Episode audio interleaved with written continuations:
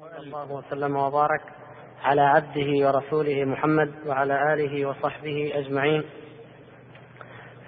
وبعد أيها الإخوة الكرام فكما تعلمون قد تحدثنا بفضل الله ومنه وتوفيقه عن الشرك وخطره وضرره وهو موضوع الديوان الذي لا يمحوه الله تعالى أبدا. وبقي اليوم أن نستعرض الحديث الذي ذكره الشارح رحمه الله تعالى ونبين الديوان الآخر الذي لا يترك الله تعالى منه شيئا. فلنقرأ الحديث. بسم الله الرحمن الرحيم. الحمد لله رب العالمين والصلاة والسلام على أشرف المرسلين نبينا محمد وآله وصحبه أجمعين. قال المصنف رحمه الله تعالى وفي معجم الطبراني الدواوين عند الله يوم القيامة ثلاثة دواوين. ديوان لا يغفر الله منه شيء وهو الشرك بالله. ديوان لا يغفر الله منه شيء. شيئا أيوه. وهو الشرك بالله. ثم قرأ إن الله لا يغفر أن يشرك به. وديوان لا, يتر لا يترك الله منه شيء. مظالم العباد بعضهم بعضا. وديوان لا يعبأ الله به وهو ظلم العبد نفسه بينه وبين ربه. وقد افترات العلماء. تعليق الشيخ ناصر. نعم. قال قال المحقق وهو الشيخ ناصر ضعيف ولم يروه الطبراني بل أحمد في الجزء الثاني صفحة 240 والحاكم في الجزء السادس 240 والحاكم في الجزء الرابع صفحة 575 إلى 276 وقال صحيح الإسناد ورده الذهبي بقوله قلت قال قلت صد صدقه ضعف صدقة ضعفوه. ضعفوه أيوه. وابن بابنوس فيه جهالة. نعم الحديث كما ترون كما ذكر الشيخ ناصر وقد راجعنا كلامه حفظه الله طابقناه وجدناه حقا. الحديث ضعيف في ذاته في لفظه هذا. لكن تقسيم الدواوين أو كون الدواوين ثلاثة هذا هذا تدل له جملة من الأحاديث والآيات.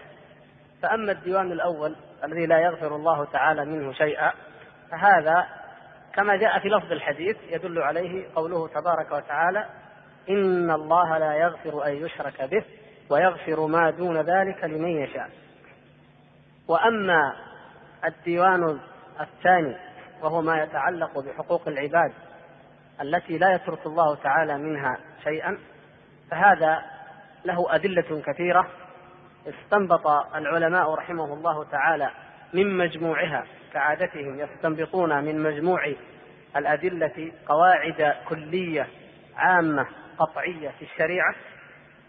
استنبطوا منه القاعدة التي تقول إن حقوق الله مبنية على المسامحة. هذا ليس من فقط من هذا لكن يعني هذا نظرة عامة في الأدلة أو في النصوص الدالة على حق الله. فوجد العلماء أن حقوق الله مبناها أو مبنية على المسامحة وأما حقوق العباد فهي مبنية على المشاحة. ومعنى ذلك أن حق الله تبارك وتعالى قد يغفره الله سبحانه وتعالى لا يؤاخذ الله تعالى فيه بالخطأ والنسيان والإكراه. يقبل شفاعة الشافعين يتجاوز بفضله ورحمته سبحانه وتعالى حتى من غير توبة ولا استغفار إذا شاء الله عز وجل ويغفر ما دون ذلك لمن يشاء. يعفو الله تبارك وتعالى ويمحو هذا الديوان بكفارات شرعها أو لو لم يكن من الكفارات التي شرعها فبالقضاء بالمصائب بما يقضي الله سبحانه وتعالى ويقدر من المصائب والهم والبلاء والنصب والغم الذي يصيب المؤمن حتى الشوكة يشاكها له بها أجر. وهذا إن شاء الله سنأتي بتفصيله والأقوال فيه عند الكلام عن الكبيرة وعن التوبة وعن الموازنة بين الحسنات وبين السيئات وعن حقيقة التكفير الذي تكفره الصلاة إلى الصلاة والجمعة إلى الجمعة ورمضان إلى رمضان والحج إلى الحج والعمرة إلى العمرة بإذن الله تعالى. فنبين هذا الجانب. أما حقوق العباد كونها مبنية على المشاحة فإنها لا تسقط بمثل ما تسقط به حقوق الله تبارك وتعالى هذه. ولذلك يؤاخذ الإنسان فيها بالخطأ ويؤاخذ بالنسيان. ولو لم يؤاخذ عند الله فإنه يؤاخذ عند الناس بأمر الله وبشرع الله سبحانه وتعالى. على تفصيل في ذلك بحسب ما يقتضيه الحال والمقام والأحكام وهي كثيرة. لكن هذه القاعدة العامة التي جعلها العلماء أو استنبطها العلماء رحمهم الله تعالى من هذا الشأن. وفائدة ذلك لمن آمن بالله واليوم الآخر ولمن كان يرجو الله واليوم الآخر وذكر الله كثيرا يا إخوان فائدتها أن الناس وأن العباد يجب عليهم أن يحذروا أشد الحذر من المظالم من الوقوع في حقوق العباد من النيل منها من ظلمهم من التعدي عليهم من الإساءة إليهم من كل ما من شأنه أن يأتي هؤلاء العباد يوم القيامة فيحاسبوهم على ما كان منهم في حقهم. وهذا تشهد له جملة من الأدلة تقدم ذكر بعضها عندما تحدثنا عن حديث المفلس كما تذكرون ولعلنا نعيده اليوم إن شاء الله. وبعضها نعرض له إن شاء الله تعالى الآن وهي كلها تدل على عظم حق المؤمن. بل في الحقيقة إن حق العباد عموما حتى لو كان الظلم واقعا على غير مؤمن فإن العبد مسؤول عن هذا الظلم. لأن ديننا هو دين العدل ودين الرحمة لا يجيز الظلم بأي حال من الأحوال حتى ولو كان على كافر. وهذا مما فرط فيه كثير من الناس وأهملوه واستمرأوا وتجرؤوا على حدود الله فيما يتعلق بحقوق العباد. وفتح هذا الباب العظيم من الفتن الرافضة قبحهم الله والخوارج. وحسبكم أن هذا الباب أن يكون هذا الباب إنما فتحه هاتان الطائفتان المارقتان الروافض والخوارج بالطعن في خير الناس بعد الأنبياء وهم أصحاب النبي صلى الله عليه وسلم والافتراء عليهم ونسبتهم إلى ما ليس فيهم رضوان الله تعالى عليهم أجمعين ولا سيما مثل أبي بكر وعمر وبقية الراشدين وبقية العشرة رضي الله تعالى عنهم أجمعين. فهاتان الفرقتان فتحت فتحت الأبواب لمن جاء بعدهم من أهل البدع والفتن. نعم الخوارج لا يطعنون في الشيخين لكنهم يطعنون في بقية الخلفاء الراشدين وكثير من الصحابة. أما الروافض فيطعنون في الجميع إلا الأربعة أو الاثني عشر على اختلاف آه، درجاتهم واختلاف أصنافهم في الكفر والضلال نسأل الله العفو والعافية والسلامة. فحق المسلم على المسلم عظيم يا إخوان. والله سبحانه وتعالى أمر المؤمنين بأن يكونوا إخوانا. وأمر واعتصموا بحبل الله جميعا ولا تفرقوا. واذكروا نعمة الله عليكم إذ كنتم أعداء فألف بين قلوبكم فأصبحتم بنعمته إخوانا. هذه هذه أوامر من الله سبحانه وتعالى ومنة منه على هذه الأمة. وكما قال صلى الله عليه وسلم وكونوا عباد الله إخوانا. ويقول الله تبارك وتعالى في الحديث الصحيح حديث أبي ذر المعروف يا عبادي إني حرمت الظلم على نفسي وجعلته بينكم محرما فلا تظالموا. الله تبارك وتعالى الغني عن كل أحد المالك لكل شيء الذي بيده خزائن كل شيء وإليه المنتهى في كل شيء كتب سبحانه وتعالى على نفسه الرحمة وحرم عليها الظلم. وهو الذي لو فعل بخلقه ما فعل فمن الذي يقول له لما فعلت؟ سبحانه وتعالى. الخلق خلقه والأمر أمره والعباد عباده. وعادة الناس أن من تصرف في ملكه بما يشاء فإنه لا يؤاخذ ولا يلام ما دام الأمر كله له وليس لأحد هذا الحق. كما هو لله سبحانه وتعالى فله المثل الأعلى في السماوات والأرض. ومع ذلك يا عبادي إني حرمت الظلم على نفسي. بدأ الله سبحانه وتعالى بذاته المقدسة فقال إني حرمت الظلم على نفسي. وجعلته بينكم محرما. فلا تظالموا. التظالم من أكبر أسباب العقوبة في الدنيا والآخرة. نسأل الله العفو والعافية. وقد صح عن النبي صلى الله عليه وسلم أيضا فيما رواه الإمام أحمد وغيره أنه قال من حالت شفاعته دون حد من حدود الله فقد ضاد الله في أمره. هذا حديث عظيم اشتمل على أربعة أمور. الأمر الأول من حالت شفاعته دون حد من حدود الله فقد ضاد الله في أمره. لأن أمر الله وشرع الله أن تقام الحدود. لماذا شرع الله تبارك وتعالى حد الزنا أو السرقة أو الخمر أو أي حد من الحدود وإن لم يكن من الحدود المعروفة في الاصطلاح الفقهي؟ لأن حدود الله إذا إذا وردت في القرآن أو في السنة فهي أعم مما يذكره الفقهاء من الحدود التي يعني بها الفقهاء العقوبات المقدرة.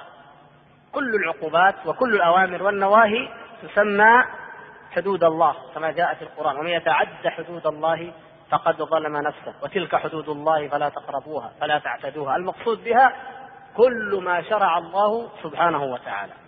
ولذلك يشمل هذا الحديث يشمل التعذير وغيره. الحدود العقوبات المقدرة وغير المقدرة وهي التعذيرات فمن حالت شفاعته دون حد من حدود الله فقد ضاد الله في أمره. إذ أن الله تعالى لم يشرعها إلا لتنفذ ولتقام. فمن حالت شفاعته دون قيامها فقد ضاد أمر الله وحاد أمر الله وعانده وكفى بالمرء شرا ولؤما وخبثا وعنادا وكبرا أن يضاد الله تبارك وتعالى في أمره. وهذا له موضوع آخر ولكنه أول ما ذكره النبي صلى الله عليه وسلم في هذا الحديث. ثم قال ومن مات. هذا النقطة بقية الثلاث الأمور تتعلق بحقوق العباد. وأول ما ذكر صلى الله عليه وسلم وهو من أعظمها وأهمها الدين. قال ومن مات وعليه دين فليس ثم دينار ولا درهم. وإنما هي الحسنات والسيئات.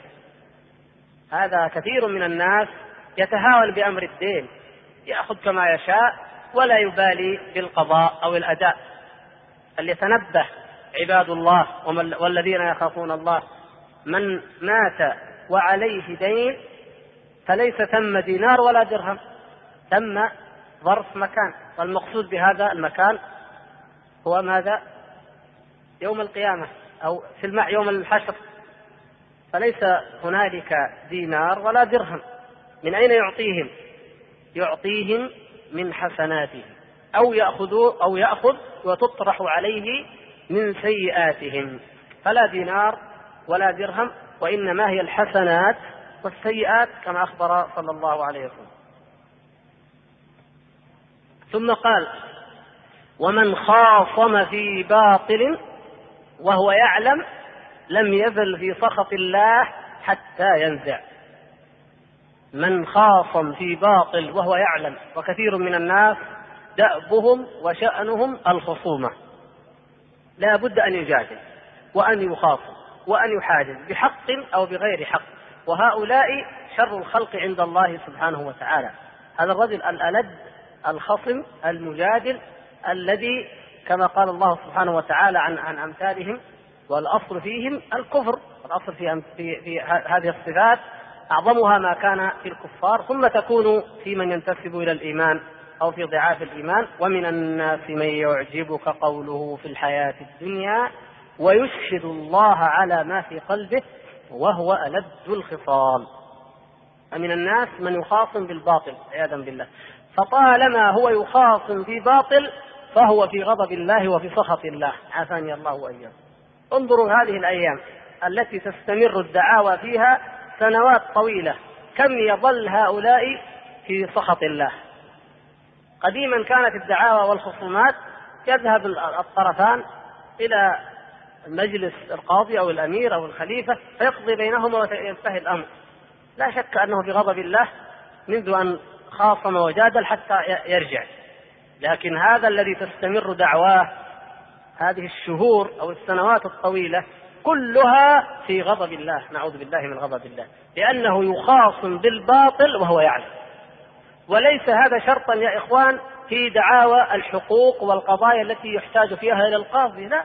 حتى لو كان جدالا ونزاعا في قضايا اجتهادية أو علمية ويخاصم ويجادل ويعاند فيها وهو يعلم أنه مبطل بغير حق فإن ذلك أيضا يشمله. حسما لمادة النزاع والجدل لأنها الحالقة كما وصفها النبي صلى الله عليه وسلم. النزاع والاختلاف هذه الحالقة التي تحلق الدين. إذا هذا بعد صاحب الدين يأتي من؟ صاحب الخصومة الذي يخاصم بالباطل. ويأتي الثالث الأخير وهو ومن قال في مؤمن ما ليس فيه. من قال في مؤمن ما ليس فيه حبسه الله في ردغة الخبال حتى يأتي بالمخرج مما قال. ما ردغة الخبال؟ نسأل الله العفو والعافية. ما هي؟ من يعرفها منكم؟ عصارة أهل النار. نعم. هذه جاء الوعيد فيها فيما في حدود ما نعلم أن الوعيد جاء في هذه لمن؟ لاثنين ها؟ شارب الخمر لأن شا... من يشرب الخمر في الدنيا مدمن الخمر هؤلاء المدمنون يسقون يوم القيامة من هذه العصارة عياذا بالله. وهذا قرن بمدمن الخمر الذي يفتري على المؤمنين ما ليس فيهم. هكذا سوء ظن والله تبارك وتعالى حذر ونهى عن ذلك. أعظم النهي يا أيها الذين آمنوا اجتنبوا كثيرا من الظن. لاحظوا اجتنبوا كثيرا من الظن. إن بعض الظن إثم. ولم يقل إن كثيرا من الظن إثم. لا بعضه إثم. ومع ذلك حذر من كثير. لأنك لا تعرف ما الإثم وما ليس بالإثم. الظن إذا تدعه اجتنب كثيرا من الظن. وهذا إذا كان في الظن الذي قد يأتي الإنسان بناء على بعض شبهات أو أدلة ولكن لا أصل لها في الحقيقة أو احتمالات جاءت. فكيف إذا كان الأمر افتراء واختلاقا وقولا مجازفة بغير علم وبغير برهان وبغير بينة؟ انظروا هذا الوعيد الشديد وليتق الله من أراد ذلك. هذا هذه عقوبته. أن يحبسه الله تبارك وتعالى في ردغة الخبال في طينة أهل النار في عصارة أهل النار. فالنار كلها عذاب وكلها نتن وكلها ظلمة وكلها عذاب وقسوة وشدة. نسأل الله العفو والعافية. لكن هذه طينتها وعصارتها أخبث وأنتن وأجيف ما فيها. نعوذ بالله من ذلك. هذه عقوبة من افترى أو من قال في مؤمن ما ليس فيه. إذا الأمر خطير والمسألة ليست كما يظن الناس أن حقوق العباد يقول الإنسان كما يشاء. إن أحب أن يفتري على أحد نسبه إلى ما يشاء من من الضلالات أو من البدع أو من الذنوب والكبائر كما يشاء كما يحلو له. ويقول الكلمة لا يلقي لها بالا فتهوي به في النار سبعين خريفا كما جاء في الحديث. نسأل الله العفو والعافية. فهذه الكلمة لو كانت في حق الله لو قال كلمة من الكلام الذي لا يجوز أن يقوله في الدين ثم استغفر الله سبحانه وتعالى في مجلسه أو قرأ دعاء ختم المجلس أو توضأ وصلى فربما يكفره ذلك إن شاء الله. على ما سنذكر إن شاء الله تعالى عندما نتعرض لموضوع التكفير بإذن الله تعالى والموازنة بين الحسنات والسيئات. لكن إذا قال في حق إنسان شيئا وتطاير هذا الكلام في الآفاق وانتشر ونقل عنه وحتى لو لم ينتشر فإنه لا يلقي لها بالا ولا يدري عنها ولا يكفرها إلا أن يطلب إعفاءه أن يستعفي ممن قال فيه وأن يستغفر منه وأن ينشر كما نشر إن كان قد نشر شيئا من ذلك. وهنا يكون الأمر في غاية الصعوبة. كان السلف الصالح رضوان الله تعالى عليهم كان منهجهم على ضربين. منهم من نظر إلى حال من اغتابه وافترى عليه وتكلم فيه ونال في عرضه نظرة الإشفاق ونظرة العطف. وقال هذا مؤمن هذا مسلم ولا أريد أن أقف بين يدي ربي يوم القيامة موقف الخصومة مع مؤمن ولو ساعة. ولو لحظة. فقال كل من تكلم في عرضي من المؤمنين فهو في حلم. هذا هذا أحد بعضهم. وقال بعض السلف ومنهم سعيد بن المسيب رحمه الله تعالى قال والله لا أحل ما حرم الله. الله تعالى حرم عرضي وحرم غيبتي فلا أحلها لأحد. والله لا أحل ما حرم فإذا من من فعل ذلك من افترى علي أو اغتابني فأنا أقاصه يوم القيامة. ولا سيما مع شدة حاجة الإنسان يوم القيامة إلى الحسنات. وربما كان هؤلاء المغتابون والطاعنون والمفترون ربما كانوا من ذوي العبادة. ربما كانوا من ذوي الجهاد والصلاح والصبر والصدقة لكن وقعوا في أعراض الناس ولم يتنبهوا إلى هذا الديوان.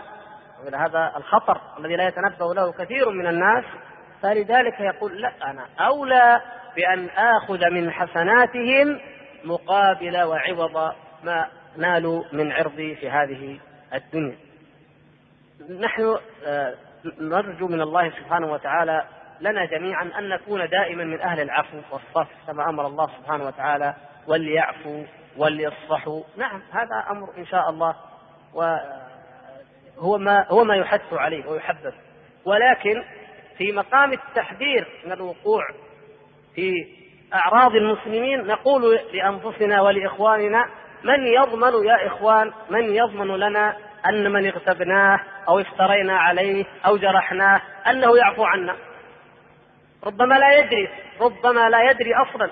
فنأتي يوم القيامة ويأتيه حسنات مثل الجبال من أعمال الذين اغتابوه وافتروا عليه وهو لا يدري بذلك. لذلك يا إخوان هذا الأمر جلل وخطير. نسأل الله أن يعافينا وإياكم.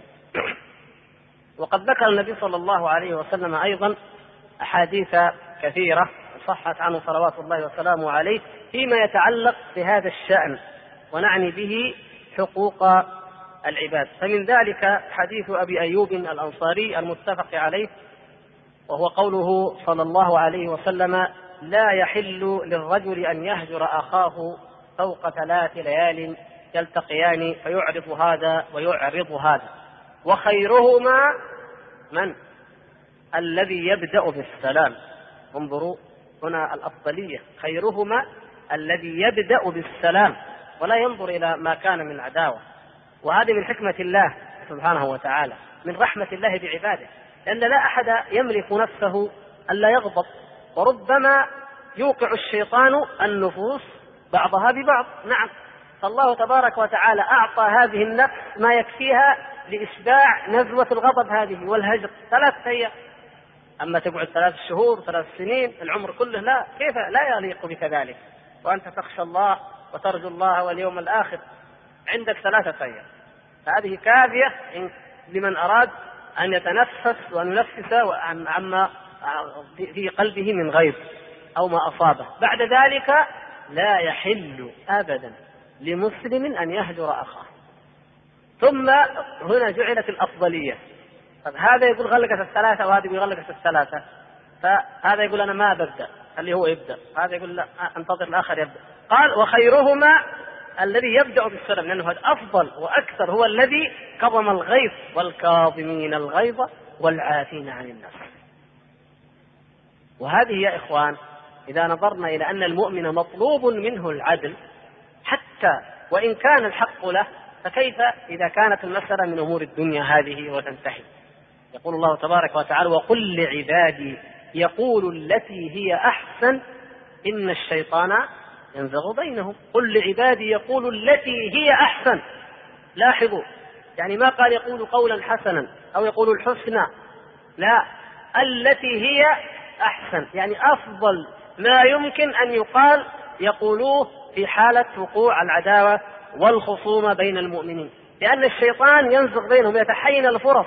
فلو لم تقل التي هي أحسن لأوقع الشيطان العداوة بينك وبين أخيك وباعد ما بينكما وزاد الأمر فرقة. ولهذا أحل الكذب في الإصلاح. وهذه من حكمة الله سبحانه وتعالى. أن الله سبحانه وتعالى حرم الكذب إلا في ثلاثة مواضع. منها إصلاح ذات البين أن تقرب ما بين الطرفين. وهذا ما يفعله الذين اختارهم الله سبحانه وتعالى للأجر العظيم. ومن عفا وأصلح فأجره على الله. أهل الخير أهل الإصلاح أهل الإحسان كما كان صلى الله عليه وسلم وأصحابه الكرام يصلحون بين الناس. هؤلاء يختارون أن يأتوا فيقربوا ما بين المتهاجرين أو المتخاصمين من المؤمنين. أما المرجفون والمنافقون والنمامون الذين قال فيهم النبي صلى الله عليه وسلم لا يدخل الجنة قتات.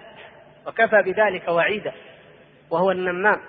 هؤلاء لا ينقلون ما قيل وربما زادوا عليه من عند أنفسهم. انظروا الفرق بين المصلحين وبين المفسدين.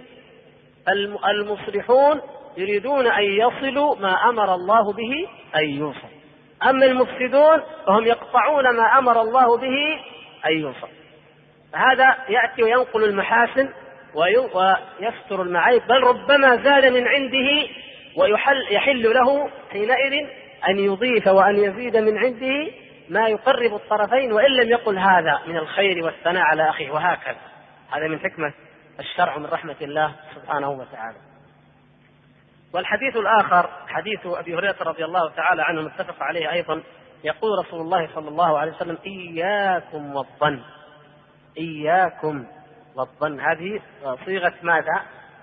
التحذير. إياكم والظن. فإن الظن أكذب الحديث. أكذب الحديث. وكم من الناس يتوهم ويظن ويتخرص وفي النهاية يرى بنفسه أن ذلك كله كان وهما وسرابا لا حقيقة له فيندم ولكن لا ساعة مندم ولا تحسسوا ولا تجسسوا ولا تناجشوا ولا تحاسدوا ولا تباغضوا ولا تدابروا وكونوا عباد الله إخوانا. انظروا ما أعظم هذه التوجيهات النبوية للمؤمنين. نهى عن الظن وهو قاعدة عامه أول شيء ينهى عنه تماما. ثم فصل في أمور منهية وهي مما يعرض بين الناس. لا تحسسوا ولا تجسسوا. والمعنى متقارب معناه هو متقارب. ولا تناجشوا. مأخوذة من النجش وهو الزيادة. ومن ذلك الزيادة في السلعة وهو لا يريد أن يشتريها. مثل ما يفعل أهل المعارض وغيرها وأهل السيارة. كثير من الله المستعان اليوم مما خالف فيه المسلمون. لا لا يجوز لك ذلك.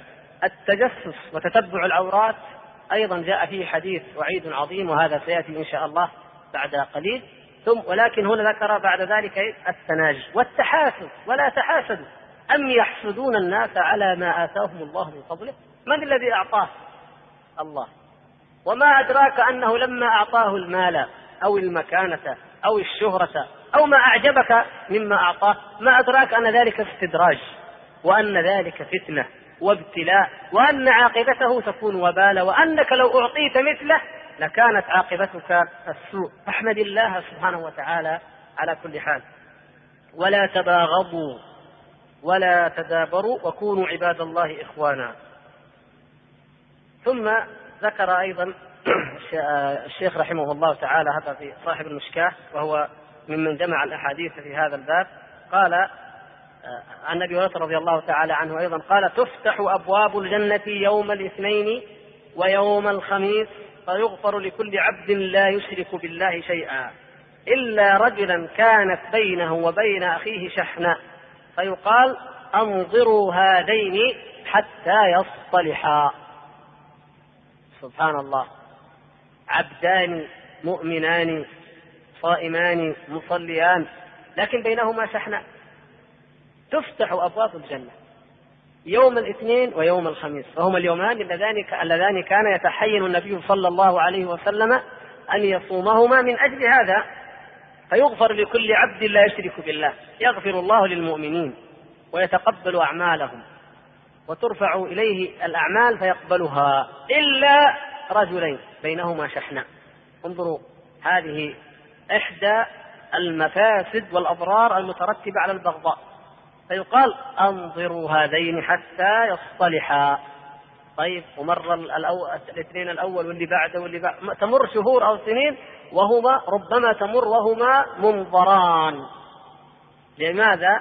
لأنهما لم يذهبا ولم هذه الشحناء ولم يكظما الغيظ الذي في قلوبهما كما أمر الله تبارك وتعالى.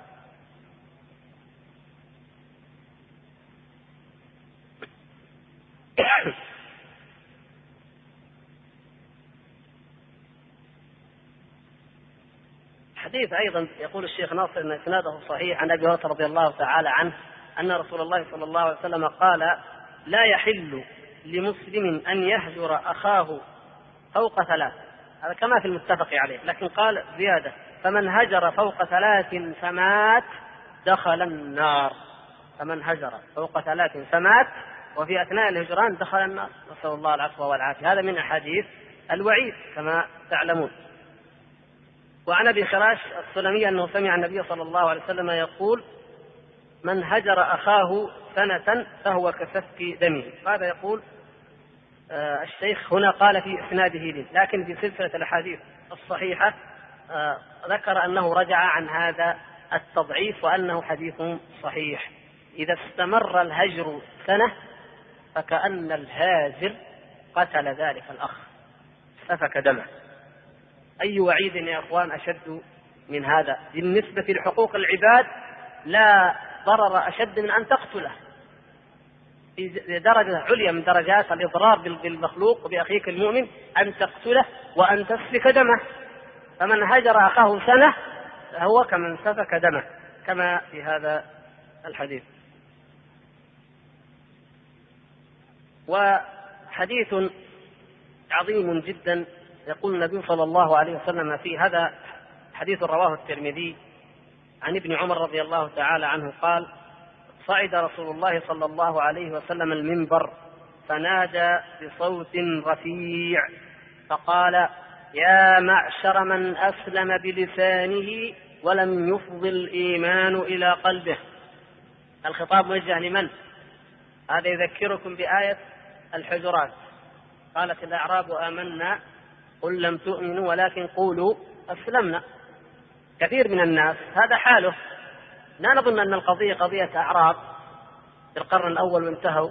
لا كثير من الناس درجته من الإيمان أنه أسلم بلسانه ولكن لم يفض الإيمان ولما يدخل الإيمان إلى قلبه.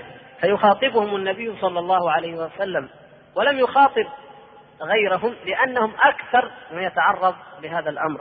لأن من أفضى الإيمان إلى قلبه وغمرته التقوى وأحياه الله تبارك وتعالى بذكره ونوره بطاعته لا يمكن أن ينال من عرض أخيه المؤمن ولا أن تتبع عورته. ولو فعل شيئا من ذلك فسرعان ما يعود ويتراجع ويستغفر الله سبحانه وتعالى مما بدر منه أو يستحل أخاه مما نال من عرضه. لكن الذين يستمرئون ذلك والذين جبلوا وطبعوا وتعودوا على النيل والطعن في المؤمنين ولمزهم وهمزهم هم هؤلاء الذين يدعو يدعون أو يدعون الإيمان بألسنتهم بأفواههم ولكن لم يفضي إلى قلوبهم. لذلك قال يا معشر من أسلم بلسانه ولم يفض الإيمان إلى قلبه. لا تؤذوا المسلمين ولا تعيروهم ولا تتبعوا عوراتهم. لا تؤذوا المسلمين ولا تعيروهم ولا تتبعوا عوراتهم. الأذى عام في كل نوع من أنواع الأذى في عرضه في ماله في بدنه في حقه في أي شيء مما له يتعلق في الأذى لا تؤذوا المؤمنين ولا تعيروهم ولا تتبعوا عوراتهم. وراه دائما هذا قال كذا فعل كذا اليوم قال كذا غدا قال كذا سبحان الله ماذا تستفيد من هذا؟ أخوك المؤمن تظل وراءه دائما تتبع عوراته وسقطاته وزلاته هكذا بعض الناس هذا حالهم. وكان المنافقون والمرجفون في المدينة في الصدر الأول كان هذا حالهم. يتتبعون عورات المؤمنين وسقطاتهم وزلاتهم ويجعلون ما ليس بعورة عورة كما ذكر الله تبارك وتعالى عنهم الذين يلمزون المطوعين من المؤمنين في الصدقات والذين لا يجدون إلا وسعهم. أحيانا المؤمن لا يجد إلا شيئا من التمر وربما كان من نوع رديء بالنسبة لما في المدينة من التمر لكن هذا ما يجد بالنسبة لهذا المنفق هذا عنده الدنيا كلها هذا ماله كله جاء به إلى الله وقدمه لرسول الله صلى الله عليه وسلم. فيقول المنافقون ما وجد إلا هذا العتق الرديء أليس لديه غير هذا الحشف يقدمه ويسخرون منه ويلمزونه؟ وإن أتى بخير كبير وجاء بشيء طيب من أجود ما يتصدق به وينفق قالوا لو كان فيه خير لترك هذا لعياله. المسألة صدقة يتصدق بأي شيء لكن أو أهله وعياله أو ضيفه أولى بأن يعطى هذا الشيء الطيب. إذا ما منهم سلامة ليس منهم سلامة وإن لم يأتي الإنسان بذنب. لأنهم لا بد أن يختلقوا العورة ويجعلون أو أن يجعلوا ما ليس بعورة عورة. وحسبكم أنهم افتروا على رسول الله صلى الله عليه وسلم. وأن وأنه افتري على أبي بكر وعمر رضي الله تعالى عنهما وعلى الأنبياء. ولهذا النبي صلى الله عليه وسلم عزى نفسه يوم حنين لما قسم الغنائم لما قسم الغنائم بين الناس وأكثر للمؤلفة قلوب قلوبهم ولم يعطي المهاجرين والأنصار ووجد المهاجرون في أنفسهم من ذلك. كما تعلمون فجاءه الرجل من أضراب هؤلاء وقال اعدل اعدل يا محمد اعدل. والله إنها لقسمة ما أريد بها وجه الله. لا حول أعوذ بالله. هل ترون شيئا من الإفك والبهتان؟ أعظم من أن يقول هذا القول لمن؟ لرسول الله صلى الله عليه وسلم. ولذلك قال ويحك ومن يعدل إن لم أعدل من يعدل إن لم يعدل رسول الله صلى الله عليه وسلم. ثم انظروا كيف هذا حال هؤلاء أهل البدع حال الخوارج ويوجد من يقتفي أثرهم وإن لم يكن منهم. يتكلمون في ماذا؟ في النيات يا سبحان الله. لو قال يا رسول الله كيف تعطي هذا فلانا وفلانا من المؤلفة قلوبهم المئين أو الألوف وتترك فلانا وفلانا من خيار الأنصار والمهاجرين؟ لربما كان لمقاله وجه لكن أن يقول إنها لقسمة ما أريد بها وجه الله. وكيف اطلعت؟ انظروا يا إخوان هذه مصيبة خطيرة جدا افتراء عظيم أن هؤلاء يتكلمون دائما جنيات كيف اطلعت عليها؟ كيف عرفت؟ أشققت عن قلبه. لهذا قال النبي صلى الله عليه وسلم أشققت عن قلبه. كيف عرفت أنه ما أراد وجه الله؟ كيف عرفت أنه لا يتحلى بالإخلاص؟ كيف عرفت أنه ما حج ولا صلى ولا صام ولا طلب العلم ولا علمه ولا دعا إلى الله إلا لغرض خبيث في نفسه. هذه مصيبة. كيف عرفت؟ من أين عرفت أن هذه هي خبيئة؟ وأنت لم تطلع على ذلك. وما كان الله ليطلعك على الغيب. هكذا رجم بغير حق. أقول النبي صلى الله عليه وسلم لما قيل له هذا القول تأسى بمن؟ قال رحم الله موسى. قد أوذي بأكثر من هذا فصبر انظروا كيف يتأسى دائما المتأخر بالمتقدم. رحم الله موسى. أوذي بأكثر من هذا فصبر يا أيها الذين آمنوا لا تكونوا كالذين آذوا موسى فبرأه الله مما قالوا وكان عند الله وجيها. أوذي. وهكذا يؤذى خيار عباد الله. ومع بماذا؟ باختلاق ما ليس بعورة ولا عيب وأن يجعل عورة وعيبا. فيقول صلى الله عليه وسلم لهؤلاء الذين يدعون الإيمان بأفواههم ولم تؤمن قلوبهم ولا تتبعوا عوراتهم فإنه من يتبع عورة أخيه المسلم يتبع الله عورته. إذا أحد جعل من نفسه مراقب على أخيه المسلم يتتبع فلان ماذا قال ماذا فعل بماذا أخطأ ماذا؟ اساء إلى آخره. فانتبه. من الذي يتتبعه في هذه الحالة؟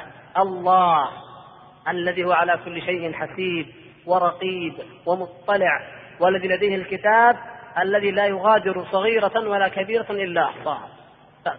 فالله تبارك وتعالى يتتبع عورته.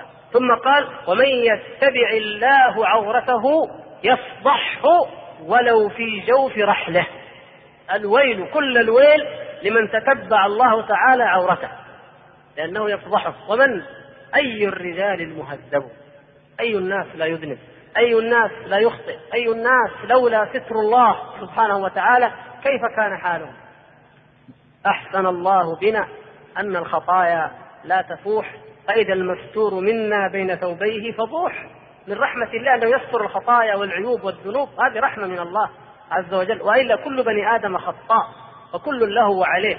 فإذا تتبع الله عورة هذا المتتبع لعورة إخوانه المسلمين فضحه الله ولو في جوف رحله.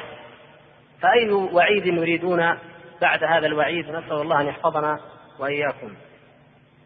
وعن سعيد بن زيد عن النبي صلى الله عليه وسلم قال إن من أربى الربا الاستطالة في عرض المسلم بغير حق. الربا كما تعلمون مثل ما جاء في الحديث الآخر الربا سبعون بابا. ما هو باب واحد؟ الآن حتى هذا الباب الأخير يراد أن يحل. المفتي الشجاع وأمثاله ممن تجرأوا على حدود الله يقولون هذا حتى هذا الربا حلال لكن لا ليس هذا الباب الذي الذي يظنه الناس سبعون بابا. أيسرهن مثل أن يأتي الرجل أمة. انظروا نعوذ بالله هل هناك وعيد أشد من هذا؟ وزجر ونهي أشد منه. ويقول صلى الله عليه وسلم في الحديث الآخر الذي أيضا رواه الإمام أحمد درهم ربا أشد من ست وثلاثين زنية. درهم درهم واحد. طيب هذا حال الربا. وهذا وعيد الله تعالى في المرابين هناك نوع من الربا لا يفطن له الناس لأن الأحاديث والآيات والوعيد في الربا هي في ربا التعامل المعاملة المالية. لكن هناك معاملة أخرى لا يجوز أن تنسى ولا أن تغفل. هذه التي نبه عليها النبي صلى الله عليه وسلم بهذا الحديث. قال إن من أربى الربا الاستطالة في عرض المسلم بغير حق. كل يوم كلام وراء كلام. استطال في عرض أخيه المؤمن وتكلم بغير حق فقال قولا لا يقابله شيء. هذا الربا. الربا يعني زيادة بغير حق بغير مقابل من الحق. فأخذ يتكلم ويتكلم ويتكلم ولا يدري أنه بهذا قد ارتكب نوعا من أشد أنواع الربا. وهذا أيضا من الوعيد الذي يزجر القلوب المؤمنة عن أن تنال من أعراض المؤمنين. وفي حديث الإسراء أيضا يقول النبي صلى الله عليه وسلم لما عرج بي مررت بقوم لهم أظفار من نحاس يخمشون وجوههم وصدورهم. انظروا هذه الصورة البشعة والعياذ بالله. صورة بشعة. إذا إذا تأملها الإنسان يجد شناعتها وبشاعتها مما تتقزز منه النفس. لأنه إذا كان المرء يعذب إذا كانت ملائكة تضربه تعذبه أخف من أن تكون الأظفار أظفاره ولكن تتحول إلى النحاس وأن يكون هو الذي يخمش نفسه. لكن الجزاء يا إخوان الجزاء من جنس العمل. لماذا؟ لأن عمله هذا في الدنيا هو الذي فعله بنفسه. ما أحد فعل معه قال فقلت يا أخي يا جبريل من هؤلاء؟ من هؤلاء؟ هذا حال عجيب. أناس يخمشون وجوههم وصدورهم هم بأبصارهم ولكن أبصار من من الحديد أو من النحاس. قال هؤلاء الذين يأكلون لحوم الناس وينالون من أعراضهم. كيف كانوا في الدنيا؟ ينهشون لحوم الناس. هكذا. يتكلم في هذا وفي هذا ينهش. فعقوبته يوم القيامة أنه ينهش وينزع ويتقطع ويخمش لحمه. نسأل الله أن يحفظنا وإياكم وأن يعافينا من الذنوب صغيرها وكبيرها. وفي حديث المستورد عن النبي صلى الله عليه وسلم قال من أكل برجل مسلم أكله فإن الله يطعمه مثلها من جهنم. تكلم في واحد. تقرب إلى أحد ما ذي سلطان أو غيره تقرب إليه بالكلام في أخيه المؤمن.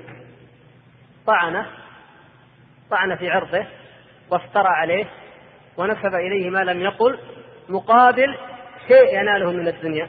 مثلا إن كان أكله أطعمه الله مثلها من نار جهنم. بعض الناس أعوذ بالله من أهل الصفقات الخائبة الخاسرة.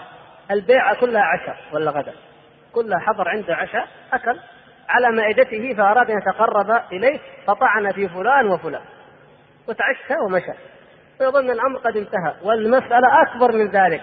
أطعمه الله مثلها من النار. نعوذ بالله. ومن كسى ثوبا برجل مسلم فإن الله يكسوه مثله من جهنم. أيضا لو كان الأمر مما يتعلق بالكساء والثياب فله مثل ذلك من النار. ومن قام برجل مقام سمعة ورياء فإن الله يقوم له مقام سمعة ورياء يوم القيامة.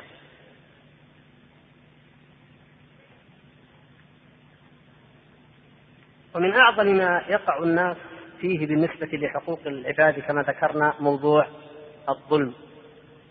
أنهم يظلمون بعضهم بعضا. ولهذا يقول النبي صلى الله عليه وسلم أيضا في الحديث المتفق عليه الظلم ظلمات يوم القيامة.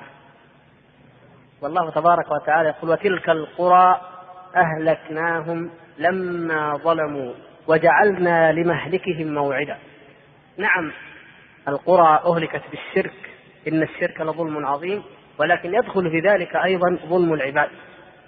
والواقع الذي يشهد له التاريخ أن الدولة الظالمة يديلها الله سبحانه وتعالى وينتقم منها وإن كانت مسلمة وأن الدولة العادلة تبقى وتستمر أركانها وإن كانت كافرة. فالظلم وحده من أسباب محق الأمم ومحق الشعوب والأفراد. الظلم ظلمات يوم القيامة. وعن أبي موسى قال قال رسول الله صلى الله عليه وسلم إن الله ليملي للظالم حتى إذا أخذه لم يفلته هذه من أسباب جرأة الناس على الظلم وهم لا يشعرون أن الله تبارك وتعالى لا يؤاخذ من أول مرة. يملي لهم فيظلمون ثم يظلمون ثم يظلمون ثم يتعود الظلم حتى تصبح أعمالهم كلها ظلما كما كان فرعون وهامان وأمثالهم. ظلمه. بطاشين. لا يخافون الله سبحانه وتعالى. إن كان في أهله فهو ظالم لزوجته ظالم لأبنائه. إن كان في إدارته فهو ظالم لمرؤوسيه.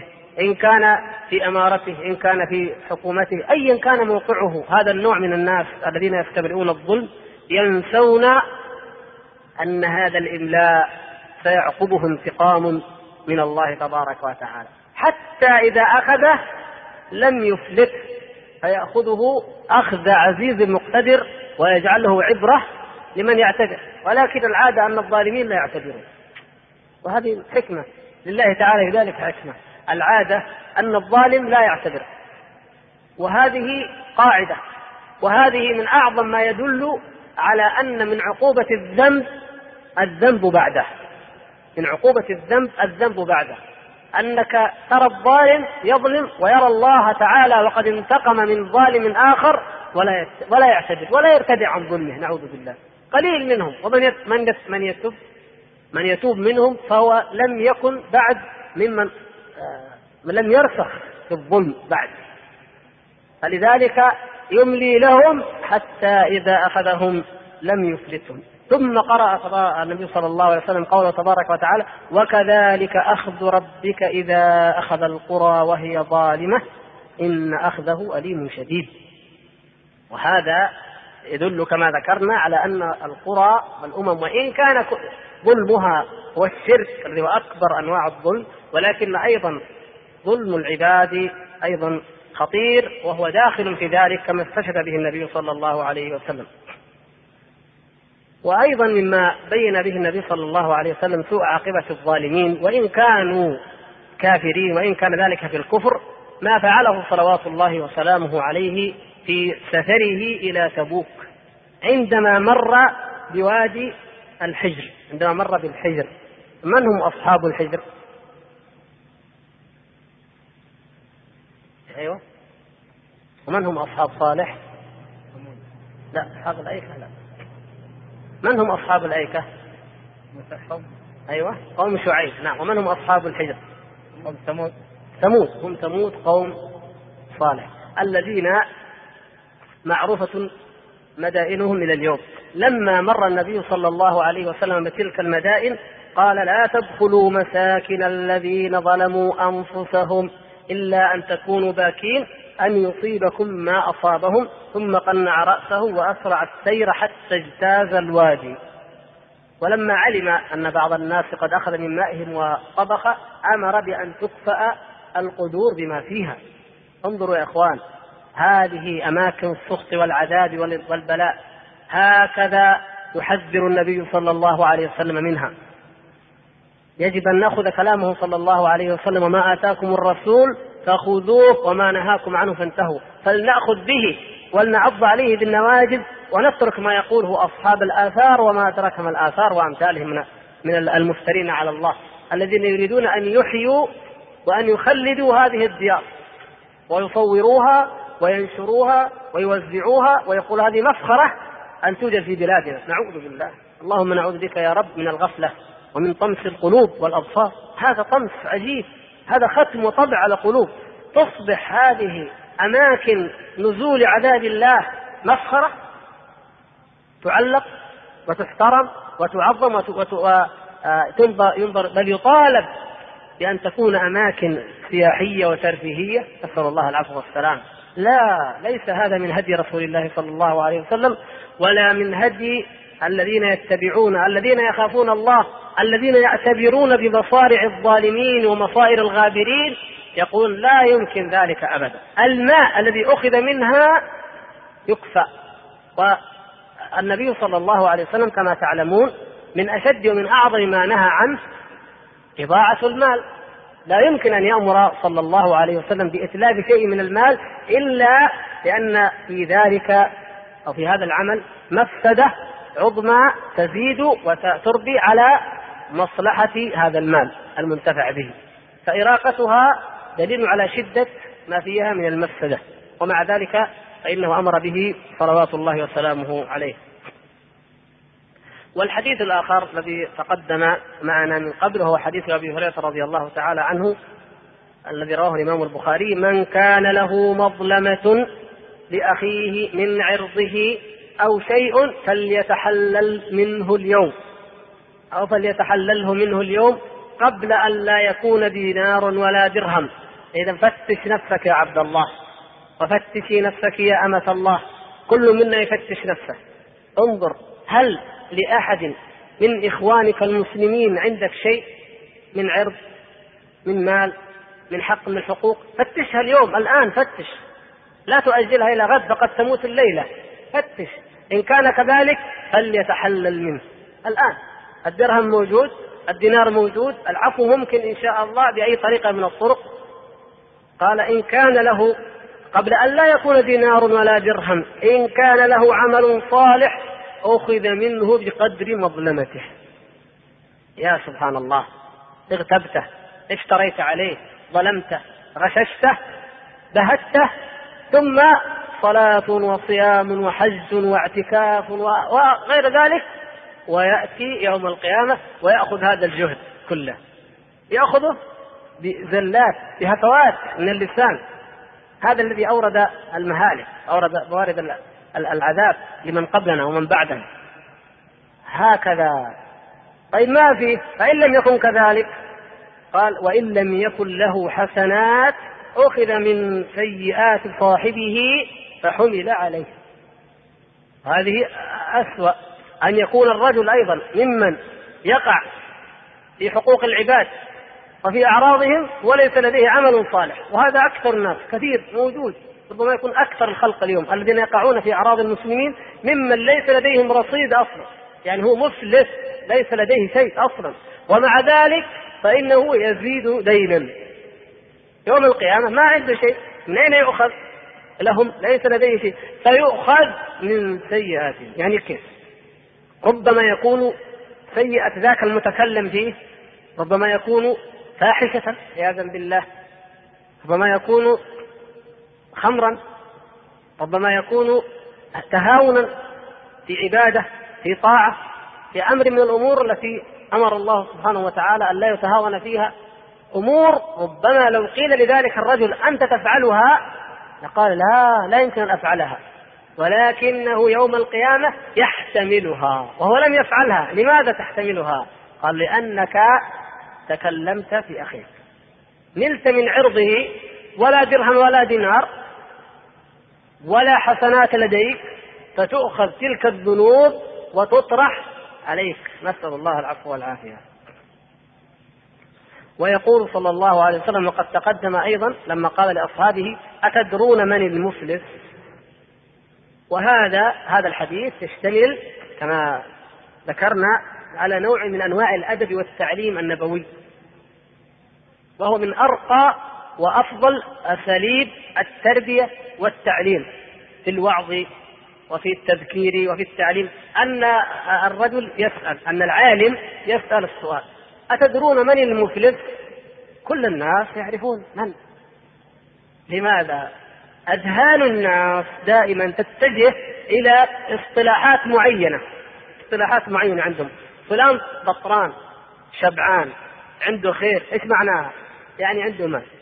فلان فيه خير فيه خير وعنده خير يعني يشتغل في الدنيا نشيط وعنده أموال. هكذا معايير الناس تصطلح على أشياء ولكن يأتي الشرع لينبه إلى أن الحقائق ليست كما يبدو لكم. يقول لك فلان غني غني جدا. لا. وفلان فلان فقير. وفلان أتمنى أن يكون ولدي مثل هذا. وفلان أعوذ بالله ما أريد أن يكون ولدي مثل هذا. وهكذا معايير عند الناس. لكن النبي صلى الله عليه وسلم بما آتاه الله من الحكمة يصحح لنا هذه المعايير. حتى لا ننظر نظرة ظاهرية كما كان الجاهليون والمشركون يعلمون ظاهرا من الحياة الدنيا. ظاهر الحياة الدنيا وظاهر ما عند الناس اليوم أن المفلس الذي ما عنده شيء ولذلك الصحابة رضي الله تعالى عليهم قالوا المفلس فينا من لا درهم له ولا متاع. هم حددوا يعني عندنا في اصطلاحنا كذا. لكن أما ما تريد يا رسول الله اللهم صل وسلم عليه فلنستمع اليك أما عندنا فينا من لا درهم له ولا متاع. لكن يعلمون بفطنتهم أن النبي صلى الله عليه وسلم ما أراد مجرد السؤال عن هذا الذي يعلم الناس جميعا. يعلمونه كل من يعرف لغة العرب يعرف معنى المفلس الذي ليس لديه درهم ولا متاع ما عنده شيء. أيوة. فيقول النبي صلى الله عليه وسلم إن المفلس من أمتي يوم القيامة من يأتي من يأتي يوم القيامة بصلاة وصيام وزكاة. هذه أفضل الأنواع العبادة. يعني أركان الإسلام الثلاثة بعد التوحيد.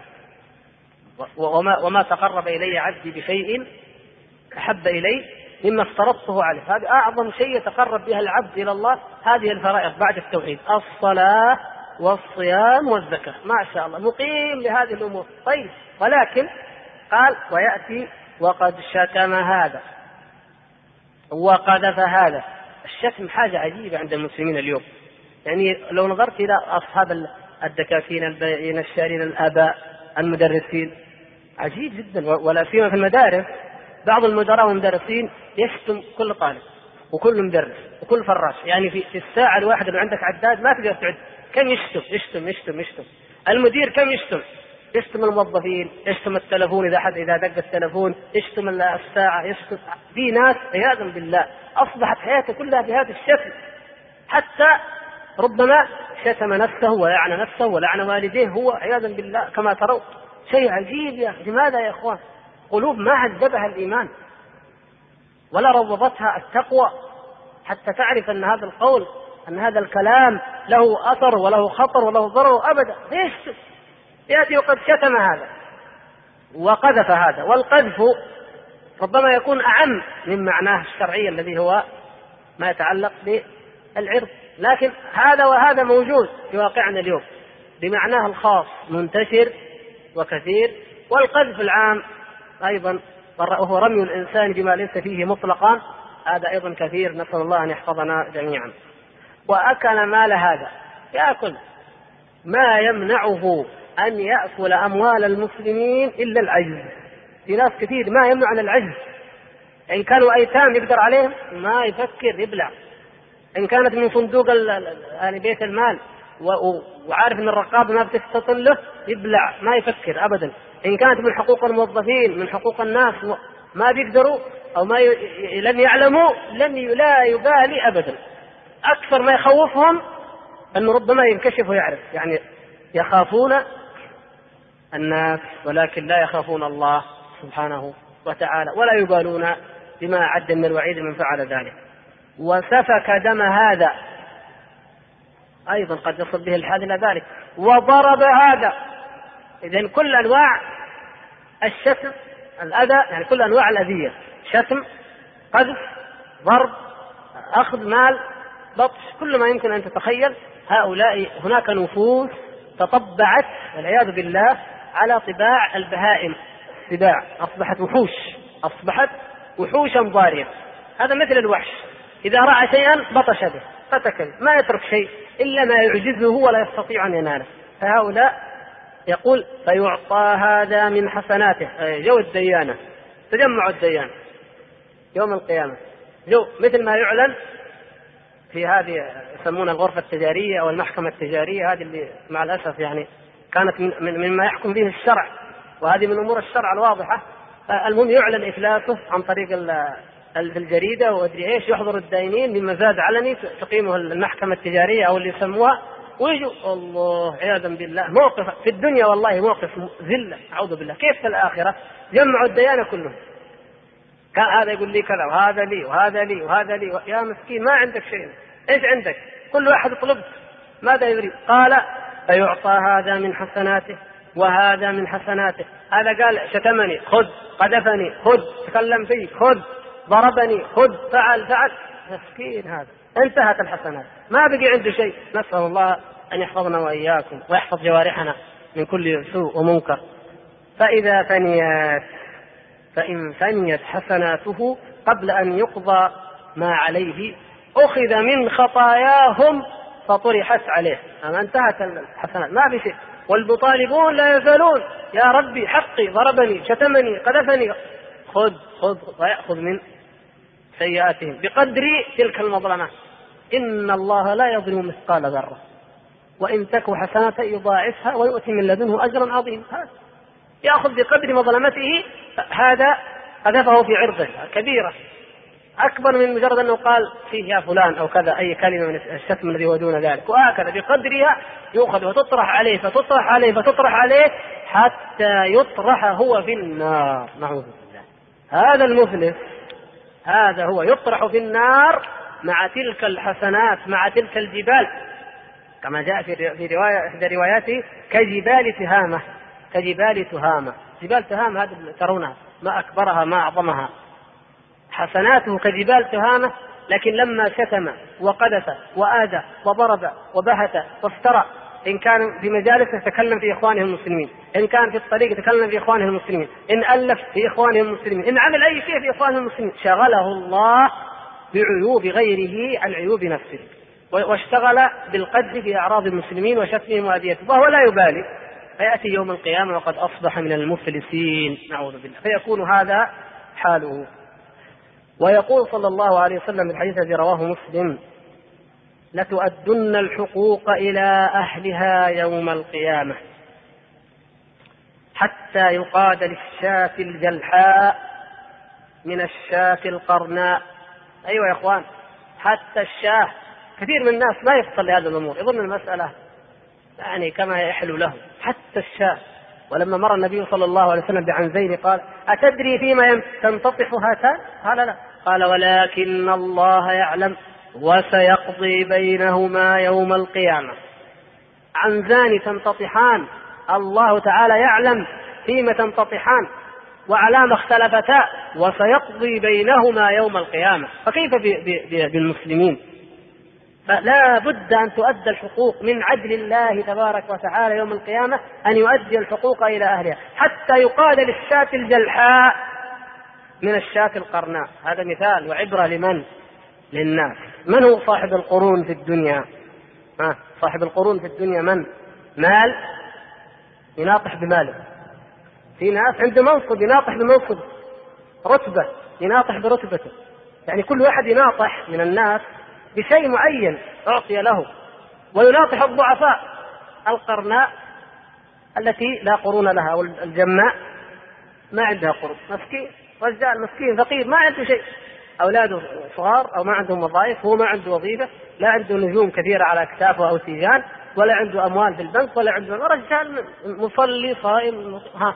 هذا يناطح ويناطحه أصحاب القرون ممن لا يخافون الله سبحانه وتعالى. أيا كانت القرون فاعلم أن الله سبحانه وتعالى يوم القيامة سيقيد لذلك الرجل الذي لا قرون له من أصحاب القرون. أيا كانت قرونهم. لا تغرنك. ولو طالت ولو كبرت لا تغرنكم يا إخوان. لأن ذلك اليوم يوم العدل. لا ظلم اليوم يقوله الله سبحانه وتعالى. لا ظلم اليوم أبدا. ولذلك خير للإنسان في الدنيا أن يظلم ولا يظلم. خير له أن يغتاب ولا يغتاب. خير له أن يسب ولا يسب. هكذا إذا إذا كان ولا بد فخير لك أن تكون عبد الله المقتول أو المظلوم ولا تكون عبد الله القاتل أو الظالم. نسأل الله العفو والعافية. هنالك الحساب يكون يوم القيامة.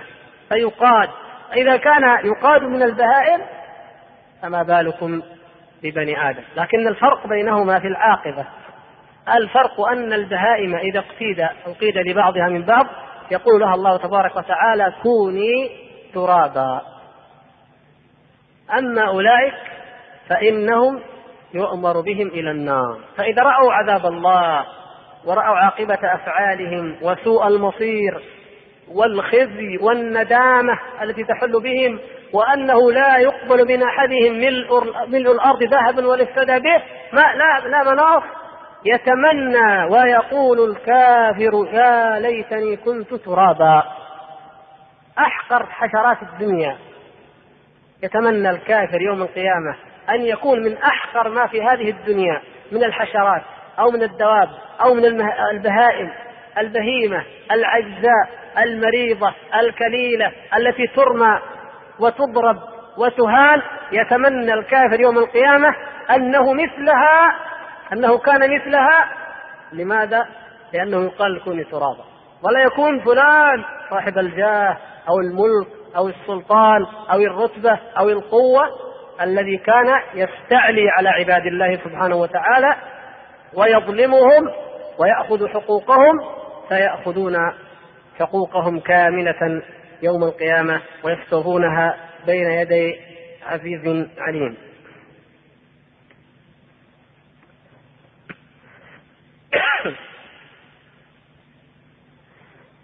ومن هذا الباب أيضا ما قاله صلى الله عليه وسلم اتقوا أو اتقي في حديث معاذ رضي الله عنه واتق دعوة المظلوم فإنه ليس بينها وبين الله حجاب. دعوة المظلوم يا أخوان كثير من الناس لا يأبهون بها. دعوة المظلوم كم من ظالم أخذه الله ونزعه بيده وانتقم منه وجعله عبرة بدعوة مظلوم امرأة رجل يتيم ضعيف كليل عاجز لا يستطيع أن ينال حقه إلا أنه رفع يديه وقال يا رب يا رب ودعا الله سبحانه وتعالى. فيقول الله عز وجل وعزتي وجلالي لأنصرنك ولو بعد حين.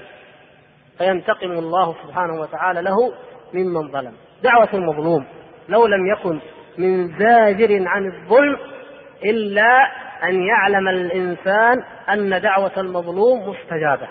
وإن كان في ذلك المظلوم ما فيه الإجابة لدعوته لأنه مظلوم لا لشخصه لأنه من الأولياء أو من الأتقياء. فكيف إذا كان المظلوم من أهل التقوى ومن أهل الخير ومن أهل الفضل أو الصلاح؟ هذا يدخل في باب أعظم من هذا وهو قوله تبارك وتعالى كما في الحديث القدسي من عادى لي وليا فقد آذنته بالحرب. وجاء في في بعض رواياته إني لأسأر لأوليائي كما يسأر الليث الحرب. الليث الحرب والأسد الذي تشتد عداوته وتشتد شهوته للبطش والانتقام فلا يرى أو لا يعرض له عارض إلا وهجم وثب عليه بأشد ما يمكن وأنشب أنيابه وأبصاره فيه. هذا يقال له الحرب. والليث هو الأسد. إني لأسأر لاوليائي يسأر الله سبحانه وتعالى وينتقم لأوليائه إذا تعرض لهم متعرض كما يسأر الليث الحرب ولهذا ما, ما عادى دعوة الله سبحانه وتعالى أحد إلا كبه الله على وجهه في الدنيا والآخرة في, في بالذل بالذل والخزي والخزي في الحياة الدنيا وبالنار يوم القيامة. ما عاد أحد دعوة الله ولا حارب أولياء الله إلا كان هذا جزاءه ومصيره الذين يستهزئون بهم أو ينالون منهم أو يقعون في أعراضهم أو يؤذون بما هو أكبر من ذلك فليستعدوا لمثل هذه العقوبة وليعلموا أنهم إنما يحاربون الله وأن الذي سينتقم منهم هو الله تبارك وتعالى.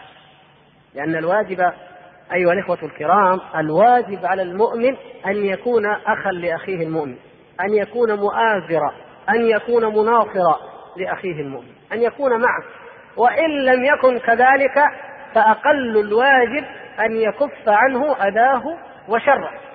أما أن يصبح المؤمن عونا على أخيه المؤمن ولا سيما إن كان من أولياء الله من دعاة الحق من أهل الذكر ممن نفع الله تبارك وتعالى بهم من العلماء والدعاة والفضلاء فهذا ذنبه أقبح وإثمه أعظم.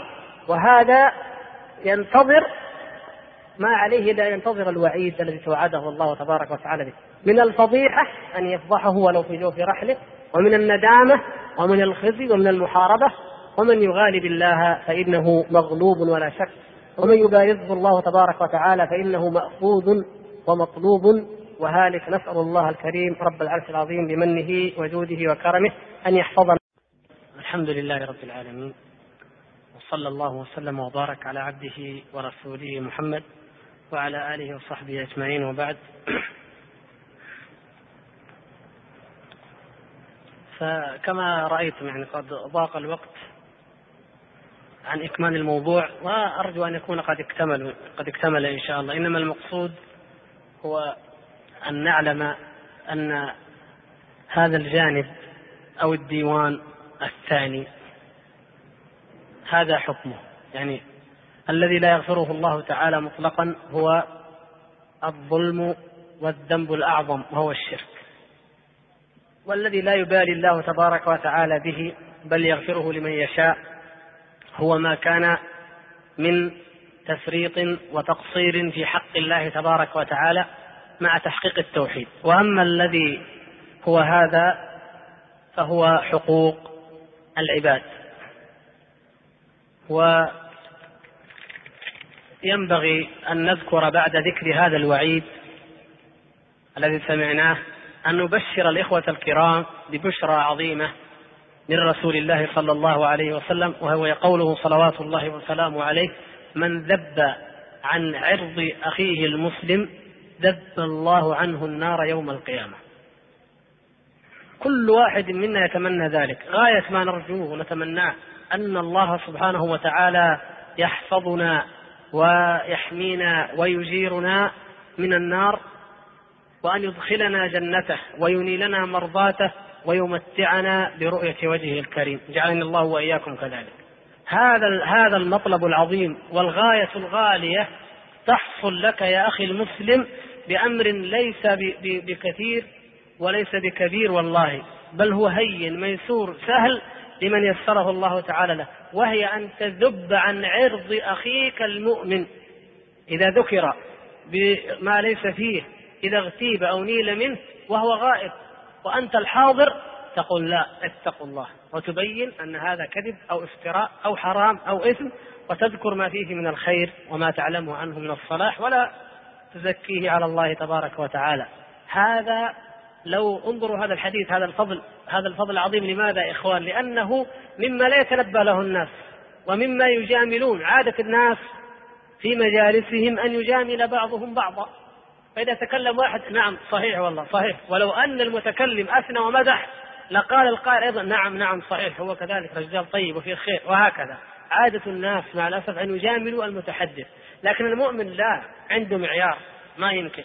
جاء فأثنى عليه خيرا وهو لا خير فيه ولا دين فيه وقد يخدع به ويغر به غيره بهذا الثناء يعني بحسب المصلحة والمفسدة المترتبة يقول لا ولكن يا أخي كذا وكذا في دينه كذا هو لا يصلي هو كذا حتى ينبه الحاضرين.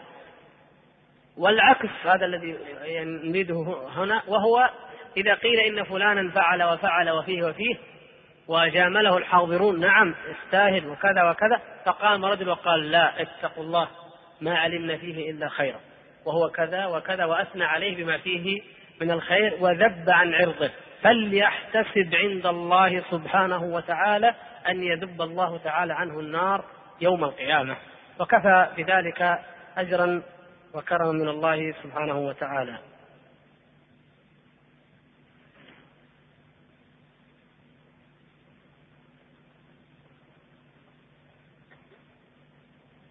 أيوه. الأخ يقول آه السلام عليكم ورحمة الله وبركاته.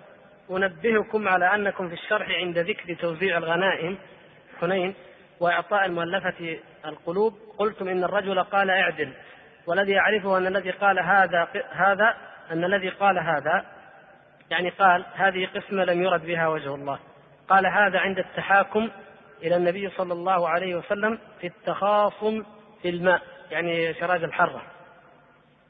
أما الذي قاله أحد الأنصار هو أن النبي صلى الله عليه وسلم أعطى لمن يعرفه في مكة أو كما قال يذكر راوي الحديث أن النبي صلى الله عليه وسلم دعا الأنصار وسألهم عن المقالة التي قالوها وذكر الراوي وكانوا لا يكذبون أي الأنصار. ثم بشرهم النبي صلى الله عليه وسلم أن لو سلك الأنصار شعبا لسلكت شعب الأنصار وأخبرهم وبشرهم فقال آه، ألا يسركم أن الناس يرجعون بالدينار والدرهم؟ وأنتم ترجعون المدينة برسول الله صلى الله عليه وسلم أو كما قال عليه الصلاة والسلام. إيه هذا سؤال آخر. آه نعم الأخ يذكر أن الحديث إن كنت فهمت يعني ما يريد أن قوله اعدل إنها قسمة ما أريد بها وجه الله هذه في حديث أو في نزاع أو شراج الحرة الذي اختصم فيه الزبير بن العوام رضي الله تعالى عنه مع غيره فقال الرجل أأن كان ابن عمتك يا رسول الله. وهذه أيضا كلمة عظيمة وأنزل الله تبارك وتعالى في حقها قوله تعالى فلا وربك لا يؤمنون حتى يحكموك فيما شجر بينهم ثم لا يجدوا في أنفسهم حرجا مما قضيت ويسلموا تسليما. ويقول الأخ وان قوله اعدل وإنها لقسم ما أريد بها وجه الله يعني إنها كانت هنا. أما الذي في حنين فهو قوله للأنصار. ولا أظن الأخ مصيبا.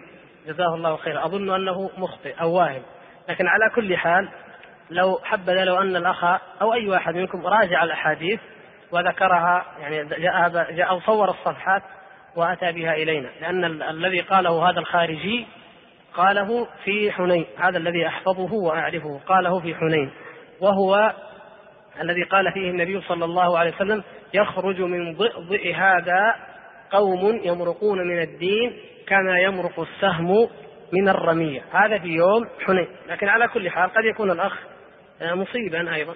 فليراجع جزاه الله خيرا أو أي واحد منكم يراجع ذلك ويأتينا باليقين. وشكر الله لكل من استدرك علينا أو وجهنا. فنحن محل الخطأ والنسيان. الأخ يقول ذكرتم الحديث حديث الوعيد لمن هجر أخاه فوق ثلاث. فمات في الهجر دخل النار. يقول كيف يكون الهجر وهل يتجنب الهجر؟ ينبغي الأخ قبل ثلاثة رؤية آه. يعني يقول هل لتجنب الهجر ينبغي رؤية الأخ قبل الثلاثة أيام أم أن آه، أم معنى الهجر يشمل الدعوة إليه والاتصال به تليفونيا والمراسلة؟ لا. إن شاء الله رحمة الله تعالى أوسع ليس يشترط الرؤية. لكن لو كلمه اعتذر منه هاتفيا أو بمراسلة أو بأي وسيلة أرسل إليه رجلا من إخوانه الصالحين المصلحين فإن ذلك يجزئ إن شاء الله تعالى.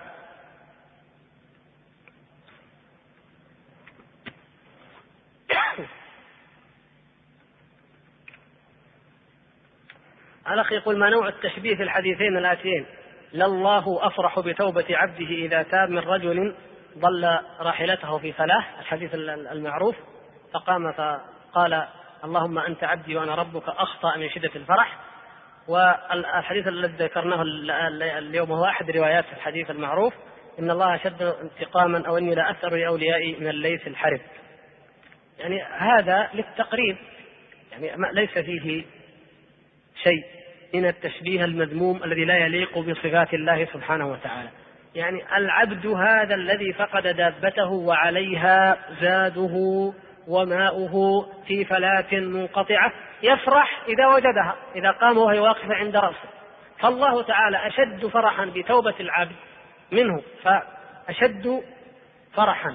حتى الفرح أيضا هذا أشد كما في في لفظ الحديث وهذا لا يقتضي أن يكون فرح الله تبارك وتعالى كفرح المخلوقين ولا غضب الله تبارك وتعالى كغضب المخلوقين ولا شيء من صفات الله سبحانه وتعالى كصفات المخلوقين. وإنما المقصود أن يفهم الناس ذلك. ولهذا عبر بهذا المثال الذي هو غاية ما يتصور الناس من الفرح بنيل المطلوب والظفر به وإدراك الشيء الذي هو غاية ما يرجوه الإنسان وقد يحسب أنه فات وأنه ذهب عنه. هذا لتقريب هذا المعنى في أذهان الناس وإلا فكل صفات الله لا اليد كاليد ولا العين كالعين ولا الوجود كالوجود ولا الوجه كالوجه ولا الفرح كالفرح ولا الغضب كالغضب ولا شيء من صفات الله سبحانه وتعالى.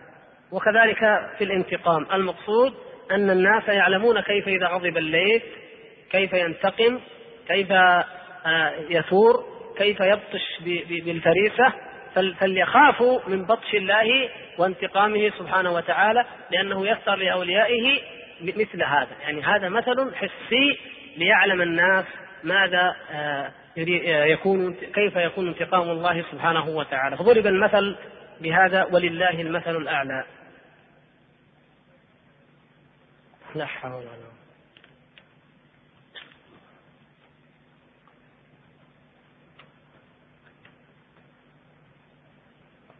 ابدا ما هذا أحد الإخوان غفر الله لك. يعني يقول أنه قال في كلاما ولو أطلبت أن يقف أمامكم يعتذر لقام. لا لا اريدك أن تقف وغفر الله لي ولك وعفى عنا جميعا ونسأل الله أن يستر علينا عيوبنا جميعا في الدنيا والآخرة. وكما قلت لكم الأسبوع الماضي حتى مثل هذا الاعتذار فأنا لا أريده بل أريد أن كل منا يدعو لأخيه المؤمن بظاهر الغيب. فيعني قد يخطئ كل منا. لا لا أحد يبرئ نفسه.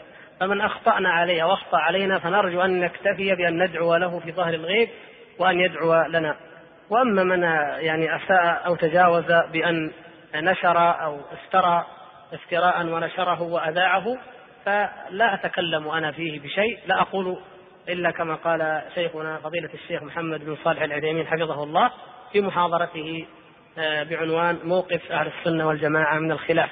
فإنه قال إن من نشر شيئا فعليه أن يكفر بمثل ما نشر إن كان كتابا وإن كان شريطا. هذا لأن هذا حكم الله سبحانه وتعالى فيه ليس بالنسبة للمقول فيه. المقول فيه قد لا يضره شيء لكن بالنسبة لما لبس على العامة وعلى طلبة العلم وعلى المخدوعين إن كان وقع شيء من ذلك.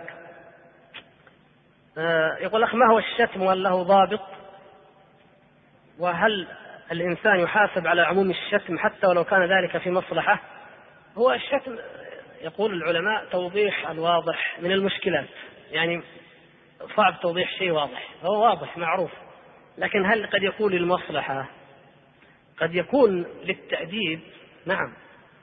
قد يكون من القاضي من المربي من ولي الأمر إلى الأب أو الزوج. نعم.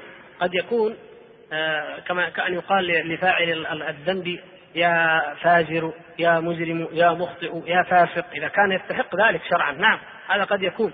لكن المقصود إذا قيل أو أطلق الوعيد يا إخوان فالمقصود به ما كان بغير حق. ولذلك لو أن الرجل سب رجلا فرد الرجل فسبه لما كان ذلك معتديا. لا يحب الله الجهر بالسوء من القول إلا من ظلم ولمن عاقب مثل ما عوقب به فأولئك ما عليهم من سبيل. يعني إذا إذا كان الإنسان أو انتصر بعد ظلمه يعني عاقب مثل ما عوقب به انتصر بعد ظلمه رد السبة بسبة هذا لا يؤاخذ ليس هو المقصود. المقصود من سب أو ظلم أو سفك الدم أو أخذ بغير حق. فنحن نتكلم عن العرض المعصوم العرض المعصوم. أما من كان مستحقا لذلك كأن يكون ممن تجوز غيبته كتارك الصلاة كأهل البدع الذين يحذر منهم لما فيه من البدع. البدع الذين يرتكبون البدع وليس من تظن أو تتوهم أنت أو يتوهم أحد أنهم من أهل البدع. هذه نفس القضية التي نرجع إليها. فأيضا يعني نفرق بين الافتراء وبين الحقيقة. فإذا كان حقا من أهل البدع أو من أهل الفجور الواضح المعلم به فإن هؤلاء قد جعل لهم الشرع ما يردعهم. ليس فقط أن أن يشتم أو يسب بل يؤذى بما هو أكثر من ذلك من الهجر أو التعذير بالجلد أو الحبس أو غير ذلك من العقوبات التي قررها الشرع.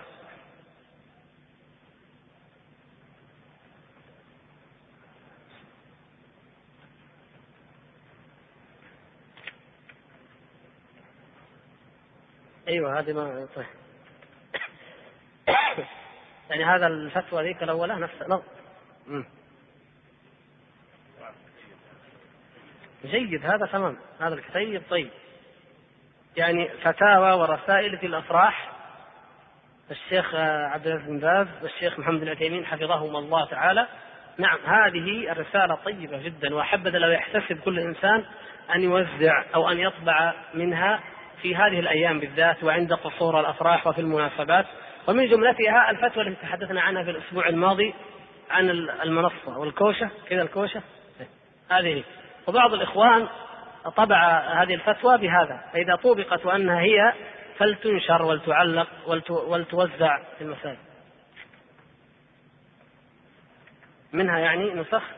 طيب خلاص في بعض النسخ هنا قليلة لا تكفيكم جميعا لكن من أراد أن يأخذها فليأخذها بحقها وحقها أن يصور منها كثيرا ويوزعها في المناسبات وفي حيث ما يكون الحكمة والمصلحة إن شاء الله. طيب تسمحوا لي بهذا لأن ما عندي منه أنا عشان نطبع عليه إن شاء الله. أخي يقول رجل دعوته إلى تحكيم أمر الله في مشكلة وقع فيها فأبى وقال حكموا من وراء ظهري رغم أنه مخطئ رغم أنه يعني الأخ مخطئ. فقلت للذي يريد أن يصلح بين صاحب المشكلة وصاحبي إن الرافض للتحكيم أنه رجل متعصب للهوى فهل هذا بهتان عليه أم أني أصبت؟ أنت يا أخي جعلتني قاضيا. آه فرق بين القاضي وبين المفتي. يعني مقام الإفتاء سهل لكن مقام القضاء صعب جدا. والذي أخذه الله سبحانه وتعالى على عبده داود نبيه عليه وعلى نبينا محمد أفضل الصلاة والسلام أنه لما جاءه الخصم وتصوروا المحراب وشكى أحدهما إليه إن هذا أخي له تسع وتسعون نعجة ولي نعجة واحدة. آخر القصة كما تعلمون. يعني واضحة. شاف أنها واضحة. قال لقد ظلمك بسؤال نعجتك إلى نعاج. معقول؟ يعني تسعة وتسعين. ويأخذ واحد عند المسكين. لكن لو أن الآخر جاء لربما قال يا نبي الله إن لي مئة نعجة وسرق هذا منها نعجة ويريد أن يأخذها. فيمكن يكون الحق معه. لهذا أخذه الله سبحانه وتعالى. فنقول مثل هذه الأمور يعني ننصح الإخوة نصيحة ولا نفتي فيها ننصح بعدم يعني بإساءة الظن. ما أمكن. أحمل الكلام على أفضل المحامل قل لا يعنيني. قل لعله يعني كذا. قل لعل كذا. قل لعله يعني لعل في نفسه هوى. لو حتى لو رأيت أن فيه هوى. قل لعل في نفسه هوى. ولا سيما وأنت إن شاء الله من المصلحين. والمصلح ينبغي له أن لا يتحول إلى خصم. يعني هذه يا إخوان من الأشياء التي يجب ان أن يتحلى بها من يصلح. ولهذا المصلحون دائما دائما ممن أعطاهم الله سبحانه وتعالى الصبر والأناء والحلم. دائما. وإلا ما يكون مصلحا لأن بعض الناس توسطوا في خصام في مشكلة. فمجرد ما يسمع من هذاك شيء أو يرفض أن يسمع من أحد الطرفين يتزاعل هو اياه فكانت المشكلة واحدة فأصبحت مشكلتين ما استفدنا شيء. ما ينفع هذا لازم يكون المصلح من يتحمل. حتى لو أساء إليه هذاك وطرده ورده وأخرجه يذهب ولا يشكو ولا يذكر حتى تبقى مشكلة واحدة.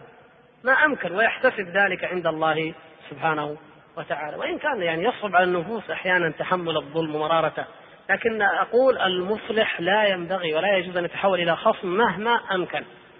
وإن كان لهذه ال ال يعني القاعدة من الاستثناء فهو أن بعض الناس قد يكون من المنفرين. نسأل الله العفو والعافية.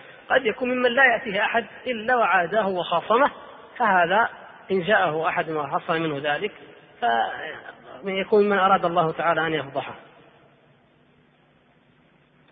يقول الأخ يقول العلامة ابن القيم رحمة الله عليه في إعلام الموقعين عند شرحه كتاب عمر بن الخطاب رضي الله تعالى عنه ولا يتمكن المفتي ولا الحاكم من الفتوى والحكم بالحق إلا بنوعين من الفهم.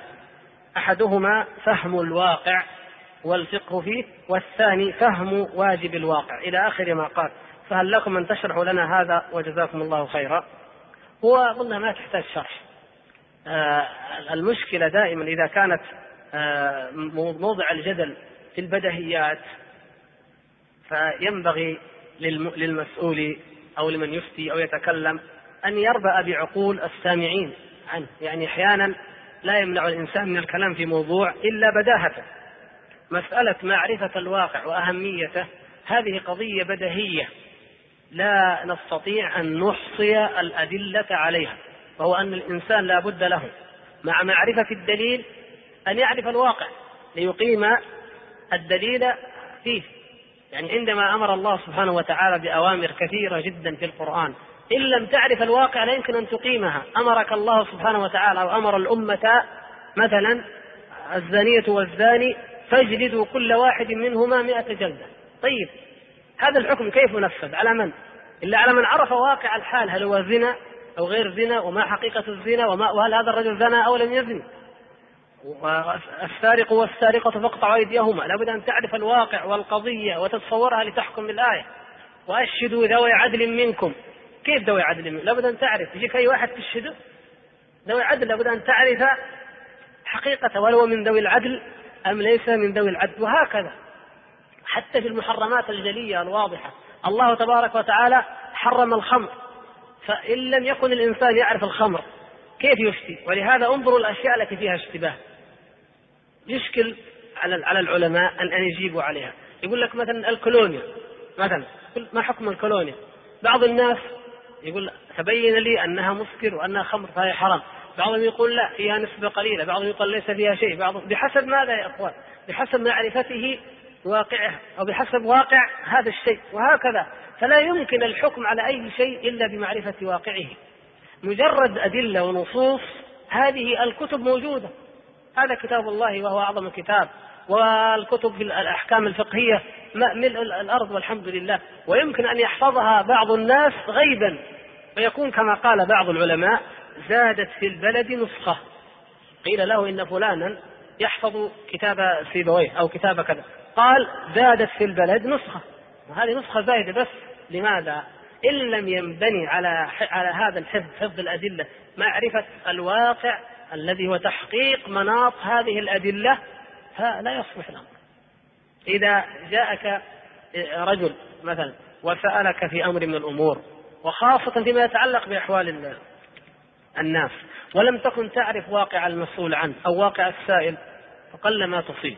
هكذا لا بد من, من, أن تقام أو لإقامة الأدلة كما أمر الله سبحانه وتعالى أن تنزل في منازلها كما أمر الله وكما شرع. كيف نعرف الظالم من العادل؟ كيف نعرف البر من الفاجر؟ كيف نعرف الحلال من الحرام؟ إلا بمعرفة الواقع. ولا يعني ذلك أن الإنسان يحيط بكل أمور الواقع. ليس كذلك. لكن أمامنا أمران أو حلان. الأمر الأول أنه يجب على المفتي كما ذكر الشيخ هنا ابن القيم رحمه الله أنه يجب على المفتي أن يستطلع ما استطاع. يعني ما استطاع من أمور الواقع يعرفها. ولهذا كان بعض الفقهاء ينزل إلى الأسواق ويرى كيف يتبايع الناس ليفتي. الناس يجي يقول لك في التليفون يا أخي إيش رأيك؟ اشترينا عرض من واحد وبالتقسيط وش رأيك؟ على طول تقول يجوز ما. إذا كنت تعرف أن هذا حيلة وأن هذا كذا تعرف واقع الناس تفتي في محله فتوى في محلها أما إن كان اخذت بظاهر القول ربما تحرم حلالا وتحلل حراما. وهكذا. اذا ينبغي لمن يتصدر للدعوة والعلم والإفتاء أن يلم بالواقع ما استطاع. الأمر الآخر أن كل إنسان لا يستطيع أن يلم هذا شيء طبيعي فقبل أن تفتي في مسألة اسأل أهل الخبرة فيها وأهل الشأن. ولهذا كان عمر رضي الله تعالى عنه يجمع أهل الشورى هو أعلم الناس بالأدلة. فقه عمر رضي الله تعالى عنه من أوسع وأعظم أبواب الفقه. يعني يكفيكم أن تعلموا أن ما عند ابن عباس من العلم وكثير من عند ابن مسعود وغيرهم رضي الله تعالى عنهم أخذوه من عمر رضي الله تعالى عنه من فقه عمر بن الخطاب رضي الله تعالى عنه. ومع ذلك تنزل به النافلة فيجمع أهل الشورى ويسألهم عن هذا الواقع إن كانت من أمور الجهاد لا, لا نفتي هكذا بسرعة. نسأل أهل الجهاد وأهل الخبرة في الجهاد. إن كانت من أمور المال نسأل أهل المال. كثير من من الأسئلة الآن ولا يسألها الناس لو سألت من يعمل من يتعامل في البنوك لأراحك لأنه يقول لك القضية مثلا الاعتماد البنكي حقيقته كذا وكذا. التأمين حقيقته كذا وكذا. القرض القصير الأجل كذا والطويل الأجل كذا وهذا فتكون الفتوى فعلا في محلها وصوابا اذا نسأل أهل الخبرة. وهذا معلوم. لا ليس بجديد معلوم من عهد النبي صلى الله عليه وسلم إلى الآن الاستعانة بأهل الخبرة في شأن ما. ولهذا النبي صلى الله عليه وسلم فرح لما قال القائف إن هذه الأقدام بعضها من بعض. يعني النبي صلى الله عليه وسلم أخذ بقول أنه صاحب خبرة في القياسة في معرفة من يلحق بالنسب ومن يعني فاستعان به أو النبي صلى الله عليه وسلم فرح وسره ذلك. استشار النبي صلى الله عليه وسلم أصحابه في مواقف كثيرة. من أجل هذا الشيء هذا أمر يعني مقرر من سيرة النبي صلى الله عليه وسلم.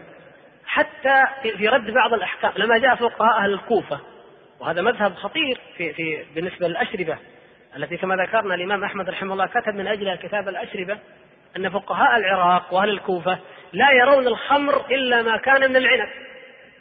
وأفتوا بذلك في في أواخر عهد الصحابة رضي الله تعالى عنهم، فرد عليهم أنس بن مالك رضي الله تعالى عنه كما في الصحيحين ردا عظيما جدا لأنه كان من صغار الصحابة وعاش حتى أدرك هؤلاء. قال لما لقد نزل تحريم الخمر وما في المدينة عنبة وإنما كان الخمر من الكذا وكذا وكذا. رد عليهم بماذا؟ بالواقع هذا يقول واقع يقول ما ليس في المدينة عنب. فلما حرم الله الخمر وأراقها المؤمنون وجرت فيها السكك في سكك المدينة لم يكن عندنا في المدينة عنب إنما كان التمر والشعير وأمثالها فهذا الرد أقوى من أقوى أنواع الردود على إبطال مذهب أهل العراق. في دعوى أن الخمر فقط ما كان من العنب وأن غيره يقاس عليه. وهكذا يعني الاستدلال بالواقع المعاش. لما قيل في حديث الحمام إنه موضوع لماذا قالوا موضوع؟ قالوا لأنه لم يكن في عهد النبي صلى الله عليه وسلم حمامات. لما قالوا حديث أجرة الطحان أيضا من قالوا مما رد به وقيل أن الحديث ضعيف أو موضوع. أو يعني موقوف ليس من كلام النبي صلى الله عليه وسلم أنه لم يكن في عهده صلى الله عليه وسلم من يطحن ويستأجر. أشياء لا أستطيع أن أحصرها. أقول لكم هذه لو أخذت رسالة دكتوراه كما يسمونها لا لجاءت لصلحت من كثرة الشواهد والأدلة على أن معرفة الواقع أمر ضروري لا بد منه في الفتيا وفي الحكم. أما أن الإنسان يفتي فتوى مجردة فلا بأس. يعني فرق يا إخوان بين الإنسان يقول أنا وجدت أن الخمر حرام وجدت أن كذا حلال يفتي بما يعني فتوى الأدلة لكن يقول هذا حلال هذا الشيء هذه القضية النازلة الواقعة هذه حلال أو هذه حرام وهو لا يعرف حقيقتها هنا يكون التقصير في هذه القضية الواقعة. أما فتوى عامة لا بأس. يقول الإنسان العلم يقول الحق. ولذلك تجد أن يعني العلماء والمفتين جزاهم الله خيرا لو سئلوا هل هذا العمل حرام أو حلال. يعطيك القاعدة يقول لك إن كان كذا وإن كان كذا فهو حرام. وان كان كذا وإن كان كذا فهو حلال. لأنه ما يعرف الواقع. فأعطاك إيش؟ أعطاك القاعدة. وأنت طبق على الواقع يا أخي. لكن هو يعرف الواقع ما يحتاج يسألك. ما يقول لك إن كان يقول هذا حرام. وهكذا. حتى المصطلحات تختلف. وهذا أيضا من فقه الواقع. حتى مصطلحات العلماء تختلف. ومصطلحات يعني أحيانا أهل علم واحد قد يكون مثلا أصول الفقه مصطلحات الحنفية غير مصطلحات الأئمة الثلاثة وأحيانا مصطلحات الأصوليين عامة غير مصطلحات أهل الحديث عامة يعني هذا مصطلح وهذا مصطلح ومصطلح بعض البلاد غير تلك البلاد الكلمة في العراق لها معنى ولذلك إذا وجدنا فتاوى من من من علماء العراق تلميذ عبد الله بن مسعود رضي الله تعالى عنه وأمثاله هي غيرها مثلا في المدينة أو في مصر فيكون لها هنا معنى وهكذا.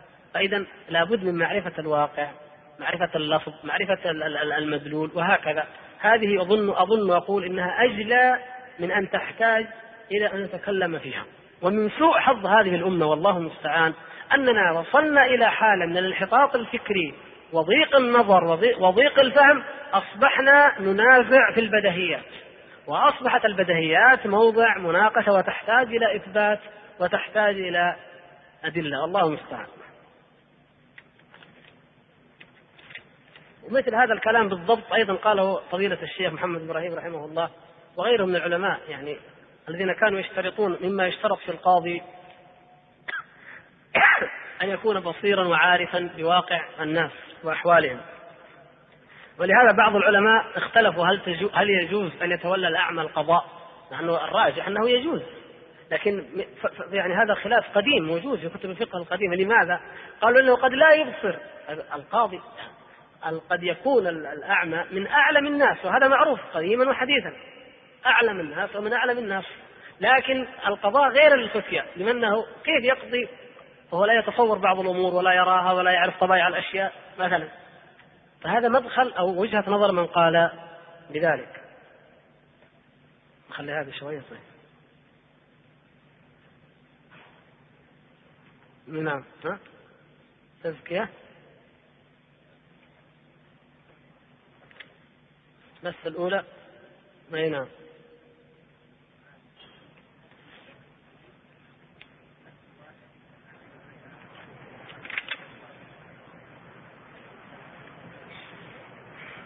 يعني هؤلاء إخوانكم المجاهدون في أريتريا نسأل الله سبحانه وتعالى أن ينصرهم وأن يعلي كلمته وأن يذل الصليبيين واليهود والنصارى والمجرمين أينما كانوا. فقد فشروا عن أنيابهم هذه الأيام. وأصبح المسلمون في كل مكان يرون هذه العداوة منهم واضحه وضوح الشمس. سمعتم الأسبوع قبل الماضي سمعتم كيف أن إسرائيل ونشر في في الجرائد قرأت عندنا يعني في الصفحات الأولى من الجرائد حتى عندنا هنا. إسرائيل تهدد بضرب المفاعل النووي في باكستان. انظروا كيف جرأة اليهود والنصارى على المسلمين. لا يريدون أن يكون لهم أي قوة أبدا. يريدون أن يضعفوهم وأن يستعبدوهم. ولذلك هذه الدولة اليهودية الخبيثة تتجرأ على مفاعل نووي بعيد عن بينه وبينه دول وأمم. فالآن يا إخوان الصليبية الخبيثة كشرت عن أنيابها. في أفغانستان أصبحت المسألة واضحة وضوح الشمس أن المجاهدين لا يحاربون روسيا وحدها كما كان يظن وإلا فقد أذلها الله وأخزاها. لكنها سحبت جيوشها وحولت القضية إلى الغرب كله وأمريكا ومن معها وأصبحت الألاعيب تدار لوأد هذا الجهاد وأصبحت آه، من الداخل من داخل المجاهدين تزرع الفتن ومن خارجهم والمساعدات الأمريكية والغربية والتنصير وما إلى ذلك أمر أصبح أمرا مشهودا. وفي كل مكان في الفلبين وفي كل مكان الشاهد هنا حتى لا نخرج عن الموضوع أن حركة الجهاد الإسلامي الأريتري الأخ مندوب هذه الحركة أو المفوض لشرح أحوال آه، وأوضاع المهاجرين والمجاهدين آه، آه، كتب له هذه التزكية فضيلة الوالد الشيخ محمد الصالح العثيمين حفظه الله تعالى.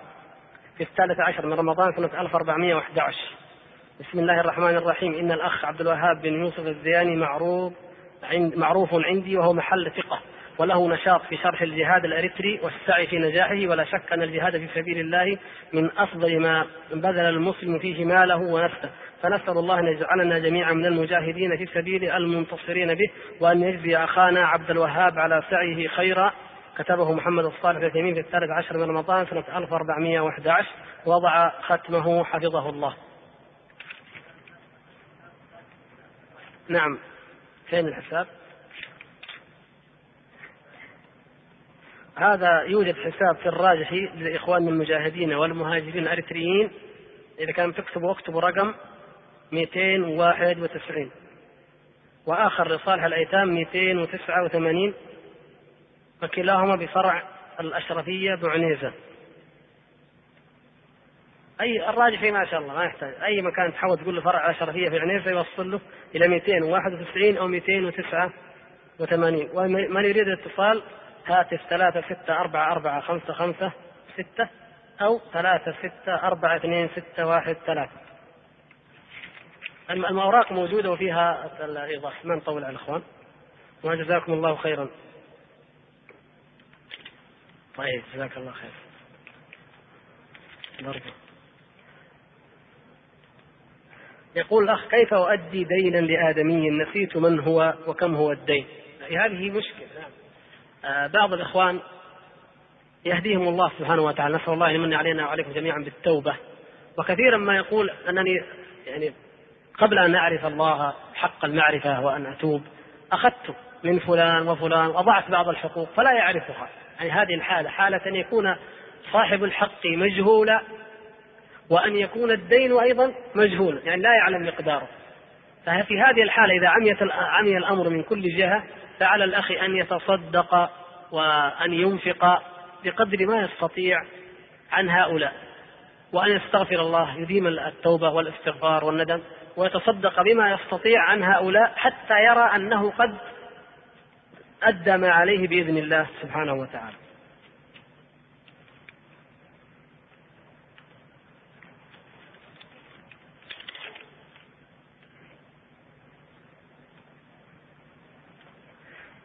يقول الأخ ما ذكرتموه عن ثمود قوم صالح كيف يجمع بينه وبين قوله تعالى قل سيروا في الأرض فانظروا كيف كان عاقبة المفسدين. آه، لا تعارض بينها. فرق بين من يسير في الأرض ويتأمل أحوال الأمم وأخبارها وبين هذا الأمر, هذا الأمر العام وبين أمر خاص باجتناب مكان معين. لو تأمل الإنسان يا إخوان وأراد الاعتبار كل ما أمامك فيه عبرة. كل شيء أمامك فيه عبرة. فسيروا في الأرض والناس لابد أن يسيروا بطبيعة الحال في الأرض. فأينما سرت فتأمل. آه، نحن الآن هنا في جدة. لو كان لنا عبرة وعقول تأملنا هذه المباني القديمة التي في في جدة هنا القديمة. هذه المباني يا إخوان كانت قبل زمن قريب ليس بكثير كانت أعظم وأفخم ما في جزيرة العرب من القصور والمباني. التي الآن لو لو تهدى لواحد منا ما يقبلها إلا عشان محل الأرض الموقع بس. غير كذا ما في فائده بس الموقع يقول لك. ما في ما يقبلها ولا يسكن فيها ولا ينام. يستوحش لو نام فيها. يعني أينما تذهب تجد العبرة سواء كانت ديار قوم مجرمين مفسدين فلتعتبر ولتخاف الله. وإن كانت أيضا لقوم صالحين فلتعلم أيضا أن هذه عاقبة الدنيا. هذه نهاية الدنيا. حتى مع الأخيار مع الأطفال مع الأبرار. هذه نهايتها وهذه عاقبتها. فأينما سرت تجد طرقهم تجد آثارهم تجد قراهم تجد البيوت الخاوية تجد المدن المهجورة تجد الحضارات المندثرة ليتأمل الإنسان وليعتبر وليستعد. لكن لا يعني ذلك أن ينوي سفرا خاصا لزيارة آثار منطقة معينة. هذا شيء هذا هنا ورد نهي خاص في هذا هذا لا يجوز. أما الاعتبار العام والسير العام فهذا نعم أينما ذهبت كما قلت؟ يعني الآثار الرومانية في موجودة في في, في الأردن وفي سوريا وفي ليبيا وفي آه، تونس هذه قرطة جنة المدينة التي في تونس. ما كان يحلم أحدا أن تفتح. وفتحها المسلمون والحمد لله. آثار عجيبة جدا. حتى لو ما شفتها إلا في آه، صورة في كتاب. أو لو شفتها مثلا في في فيلم. أحيانا يعني تكون في أفلام عن هذه الآثار. عجيبة عجيبة جدا. تبين لك كيف هؤلاء الناس كيف أنهم أثاروا الأرض وعمروها أكثر مما عمرناها وكيف أنهم يعني الأرض أخذت زخرفها وزينت وظن أهلها أنهم قادرون عليها ونسوا أن الله سبحانه وتعالى لهم بالمرصاد فأتاها أمره ليلا أو نهارا فجعلها حصيدا كأن لم تغنى بالأمس أينما تذهب تجد هذه الآثار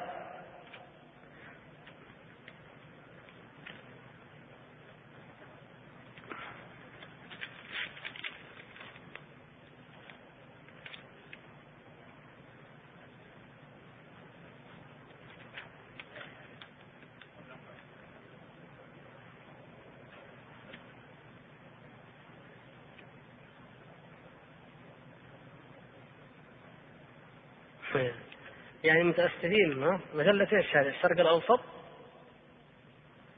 الله يا إخوان نسأل الله أن يحفظنا وإياكم. يعني الواحد يتعجب هذا هؤلاء الناس. مرة كتبوا عن قرية لعل أحدهم يذكرني في سيناء. الحمد لله ما هو غريب الحجاب في مصر. ترى ما هو غريب في مصر ولا في سيناء. موجود في الأرياف وغيرها. لكن قرية في في سيناء إيش الغرابة اللي خلت يعني مجلة المجلة تكتب عنها مقال؟ أن النساء فيها يتحجب ونشروا هذا الخبر الغريب وصوروا النساء وأجروا مقابلات. المرأة لا يراها أحد ولا تكشف وجهها ولا يراها إلا المحارم. إيش الغرابة؟ يعني كأن المفاهيم الغربية قد رسخت فينا حتى أصبح الحجاب غريب. وبعدين ينشر مجلة سعودية. وأكثر ما تباع في المملكة هنا. يقول لك في بلد في قرية في بلاد بعيدة في صحراء المرأة تتحجب. وإحنا هنا الحمد لله محجبات. يعني شوف إذا انتكست المفاهيم نسأل الله العفو والعافية. أيضا هذه صورة لفتاتين امرأتين كما ترون لا يرى منهما شيء. يقول لك هذا الكلام في عمان 1942 هل الفتاة هذه الأيام تعبره كما كان الحال في السابق ولا كما هي في الصفحة الثانية هذا العرايا؟ نعوذ بالله.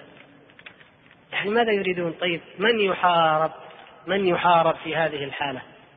هذا الكلام لو كتبته مجلة أمريكية فرنسية حتى لو قلنا بعض الدول العربية أو كذا يعني يحتمل. لكن مجلة سعودية وتعلم أن الله سبحانه وتعالى قد فرض الحجاب وأمر به وتباع أكبر سوق لها هنا والقائمون عليها من أبناء هذه البلاد. وتتعجب أنه باقي أحد يتحجب؟ وتنشر هذا الخبر؟ قل هذا والله مؤلم جدا وهذا مؤذن بعقوبة من الله سبحانه وتعالى. لا للمجلة هذه المؤسسة قد ابتلاها الله بعقوبات كثيرة ويمكن لا تعلمونها. ابتليت بمدراء تحرير نهبوا أموالها جمعوها من حرام فذهبت في حرام والحمد لله. وابتليت بمصائب كثيرة. لكن نبتلى نحن لأن هذه مجموعة الشركة هذه السعودية إنما تباع عندنا هنا. ولها ميزات ولها تخفيضات وتشتريها الدوائر الحكومية والمصالح والمؤسسات. لها ميزات كما لكل المجلات المحلية بل ربما أكثر. وفي نفس الوقت نسوقها ونروج لها. في أي بقالة تلقاها وهي تنشر مثل هذا السموم ومثل هذا الإفك. فالمرأة المسلمة لما تقرأ هذا ترى أنها غريبة. يعني تقول والله فعلا أنا باقي أتحجب يعني كأنها في عالم قد تحرر وانطلق. وهي قائمة على أمر الله محافظة لما فرض الله سبحانه وتعالى وهي المرأة التي الآن يشتاق العالم كله ويتطلع إلى أن يرجع إلى ما هي فيه من الخير والسعادة والعفاف والطهارة والفضيلة والحمد لله. لكن هؤلاء يريدون عكس هذه المفاهيم. فنأثم نحن عندما نبيعها أو نروج لها وعندما لا ننكر عليها مثل هذه المقالات. هذا والله نأثم به. ويعني يعني لا مؤاخذة. بعض الإخوان يقولوا أحيانا لماذا نتعرض لمثل هذه القضايا؟ يا إخوان والله إن لم ينكر مثل هذه المنكرات ولو في مجلس واحد ولو في مسجد واحد والله إنا نخشى أن يعمنا الله بعذاب من عنده. هذه أحكام الله. هذا كتاب الله يا إخوان يضرب به أرض الحائط. ما هو كلام فلان وعلان؟ والله ما في دولة ولا حكومة ترضى تصدر أوامر وتهمل يهملها الناس بالكلية ويتجرؤوا عليها ويسبوها. في دولة ترضى هذا الكلام؟ كيف رب العالمين؟ شديد العقاب سبحانه وتعالى. الذي الذي كما قال النبي صلى الله عليه وسلم إذا عملت المعصية كان من غاب عنها ولم تنكر كان من غاب عنها كمن شهدها. إذا لم ينكر المنكر من غاب عنه كمن شهد إذا لم نتكلم في هذه المنكرات فكأننا شهدناها وسكتنا. وكأننا فعلناها. وهذه الذي ذكره الله سبحانه وتعالى عن بني إسرائيل لما أخذ الذين ظلموا بعذاب بئيس القرية التي كانت حاضرة البحر. لا بد أن ينكر المنكر. بل لا نستطيع أن ننكرها لأنها منكرات عمت وطمت حتى أصبح الإنسان لا يتكلم إلا عن قطرة في في بحر أو من بحر من هذه البحار. لكن أقل شيء أنك تلقى الله وتقول يا ربي قد قلت. أما أن تلقى الله وأنت ساكت وأنت مداهن أعوذ بالله. أو نلقى الله سبحانه وتعالى ونحن ننكر إذا أحد قال كلمة في مجلس أو في مسجد ننكرها. وإن نشرها على مليون في مجلة أو في تلفاز لم ننكرها هذا منطق. الأولى بالإنكار هو المنكر المعلن ويجب على الأمة أن تنكر المنكر المعلن بقدر إعلانه وجوبا. ولذلك من تكلم قد قد برئ ومن كره قد سلم. لكن من من لم ينكر بالمرة فيخشى أن يكون شريكا لمن فعل. لا بد أن يكافئ الإنكار المنكر. إذا أنكر في إذا نشر المنكر في مجلة تطبع مئة ألف فيجب أن ينشر بقدر ما يمكن حتى يصير مئة ألف أو أكثر. أيضا رد لإنكار وإنكار لهذا المنكر. إن كان إن كان على جهاز إعلام يسمعه الملايين أو يراه الملايين فيجب على الأمة في مجموعها أن تنكر المنكر بحيث يسمعه الملايين أيضا. هذا من مما يجب أن يكافأ. المكافأة لا بد منها. يتكافأ الإنكار مع المنكر. أما أن يظل المنكر ينشر بالملايين والمنكرون يخفتون به أمام عشرين أو مئة أو مئتين ومع ذلك يقال كيف ينكرون؟ هذا والله عجب. هذا هو المنطق الأعوج الذي والله لا نرضاه لديننا ولا نرضى أن نلقى ربنا به. أيوه الأخوان أهل التسجيلات جزاهم الله خير يقولون لما تكلمنا عن حق المسلم وحفظ عرضه ونقل كلامه. يقول قد قد يلحقهم شيء من ذلك لأنهم يسجلون. حقيقة يعني بغض النظر عن عن الفتوى في هذا أنا أقول من من مصائب هذا العصر هذه المسجلات. أول في العصر الأول كان العلماء في راحة وكان الدعاء والمفتون في راحة. يقول القول ويسمعه تلاميذه. بل كان بعض العلماء يشترط أن لا ينقل عنه إلا تلاميذ معينون. وكثير من العلماء الثقات الجبال ما كان يسمح لأي أحد أن يروي عنه أصلا أو ينقل عنه. لكن نحن الآن نعمة هي نعمة لا ننكرها لكن في كل نعمة فيها أو معها نقمة. لازم. من نعم الله انتشار هذه الوسائل. فالإنسان يقول الكلمة فبدل من ينفع الله بها المئة والمئتين والألف الذين حضروا في المسجد قد ينتفع بها مئة ألف بإذن الله ممن يسمع الشريط. لكن جانب النقمة فيها أن أيضا الخطأ قد ينتشر وأن الكلمة. يعني واحد يقول قال الله ويجيب حديث ولا يقول قال رسول الله ويجيب ولا يمكن يخطئ الواحد بأي شيء. فتكون فرصة لمتربص لحاقد لنمام لكذا. أيضا قد يظل أحد بناء على كلام غير محرر. وأنا أقول هذا حقيقة. الكلام المحرر المكتوب المؤصل غير الكلام الملقى. الكلام الملقى دائما يعني ذاكرة الإنسان ليست كما أن يكتب ويراجع و... فالناس اليوم استسهلوا السماع. هذه الفتوى المكتوبة كم تنتشر؟ قليل مع أنها هي التي ينبغي أن نحرص عليها لأنها مكتوبة منضبطة. أما الكلام قد يقول رواه البخاري هو يقول رواه الترمذي ويكون ضعيف ويكون غير وهو صحيح وهكذا. فالناس الآن يعني السماع لديهم أسهل. فينتج عن ذلك لا شك شيء من المفاسد. ويقول بعض الإخوان في التسجيلات إذا نحن نحن السبب في هذا. فنحن نقول لهم اتقوا الله ما استطعتم. واحرصوا على أن تتأكدوا الأمور التي قد تلبس أو تنشر الفتنة أو شريط الواحد ما. بلاش نقول لكم واحد ما في خير. يا إخوان يعني تعامل السلف الصالح لو دققنا فيه وطبقناه مجرد أنه مجهول لا تتعامل معه. شوف كيف السلف الصالح. انظروا كم في كتب الرجال مجهول. ما قالوا في شر. ما قالوا فاجر مبتدع ظالم مجهول. كونه مجهول أصبر. جاك شريط الواحد مجهول. طيب وهذا الشريط فيه طعن فيه سب في فتاوى في أشياء. مجرد أنه مجهول ما تعرفه ما تعرف حقيقته ينبغي أن تتثبت. بالله كيف يكون معيار الأمة؟ إذا أخذت كلام بلاش نقول الفجار معروف لكن لو أخذت كلام المجهولين في المعروفين من يبقى؟ سهلة. أي واحد في مقهى ولا في مكان تكلم في علمائها من أولهم إلى آخرهم. ومشي الكلام وانتشر. والله في واحد تكلم في المشايخ. مين؟ واحد. فلان. من هو فلان؟ فلان. لا يعرف سابقته ولا علمه ولا خير ولا فضل. المهم في شيء. هل وجود الشيء مجرد أنه قيل ما قيل ينشر؟ فنقول يعني ينبغي لإخواننا أهل التسجيلات أن يتقوا الله وأن يتريثوا. ونقول أيضا وإن كان هذا قد قد لا يعني يكون إن شاء الله الهدف الأساسي لكنه موجود عند البعض على الأقل لا يكون الدافع المادي هو الهدف. لا يكون مجرد أن هذا الشريط يمشي نمشيه. وإن كان فيه أخطاء مادته العلمية آه، ضعيفة فيه انحراف فيه جرح فيه طعن فيه تشويه للدعوه فيه ضرر على الدعوة لكنه ماشي نمشيه. ما يجوز هذا أيضا؟ يعني يكون الهدف المادي هو الأساس؟ لا لأن هذا علم مما يبتغى به وجه الله. فمن يعني جعله وسيلة لكسب الدنيا الرخيص ناله الوعيد. ويحتاج يعني هذه بس لأن الأخوان طلبوها. الحقيقة أن موضوع التسجيلات وما لها وما عليها والمسجلات ليس المقصود الأخوان في ذاتهم. نفس موضوع التسجيل ما له وما عليه يحتاج إلى ضوابط ما يكفي في تفصيلها إلا محاضرة كاملة. ولعل الله يفسر بها. يعني يحتاج فعلا ضوابط معينة في سماع الكلام وفي سماع الأشرطة. بخلاف الشيء المكتوب إذا نسبت إلى أحد ما كتبه وقاله وحرره أو الكلام المكرر بالذات. يعني قد يكون مجرد كلام لكن الإنسان هناك آراء تعلم أنه يعتقدها ويكررها ويدين بها ويقولها لا بأس تأخذها من كلام له في شريط مثلا. لكن من كلمة واحدة من كلمة تحتمل من مقالة لها عدة تأويلات تبني قاعدة كبرى وتترك القطعيات الواضحة في كلامه هذا لا يصح. أقول هذا يحتاج إلى ضوابط لعل الله يسر بها.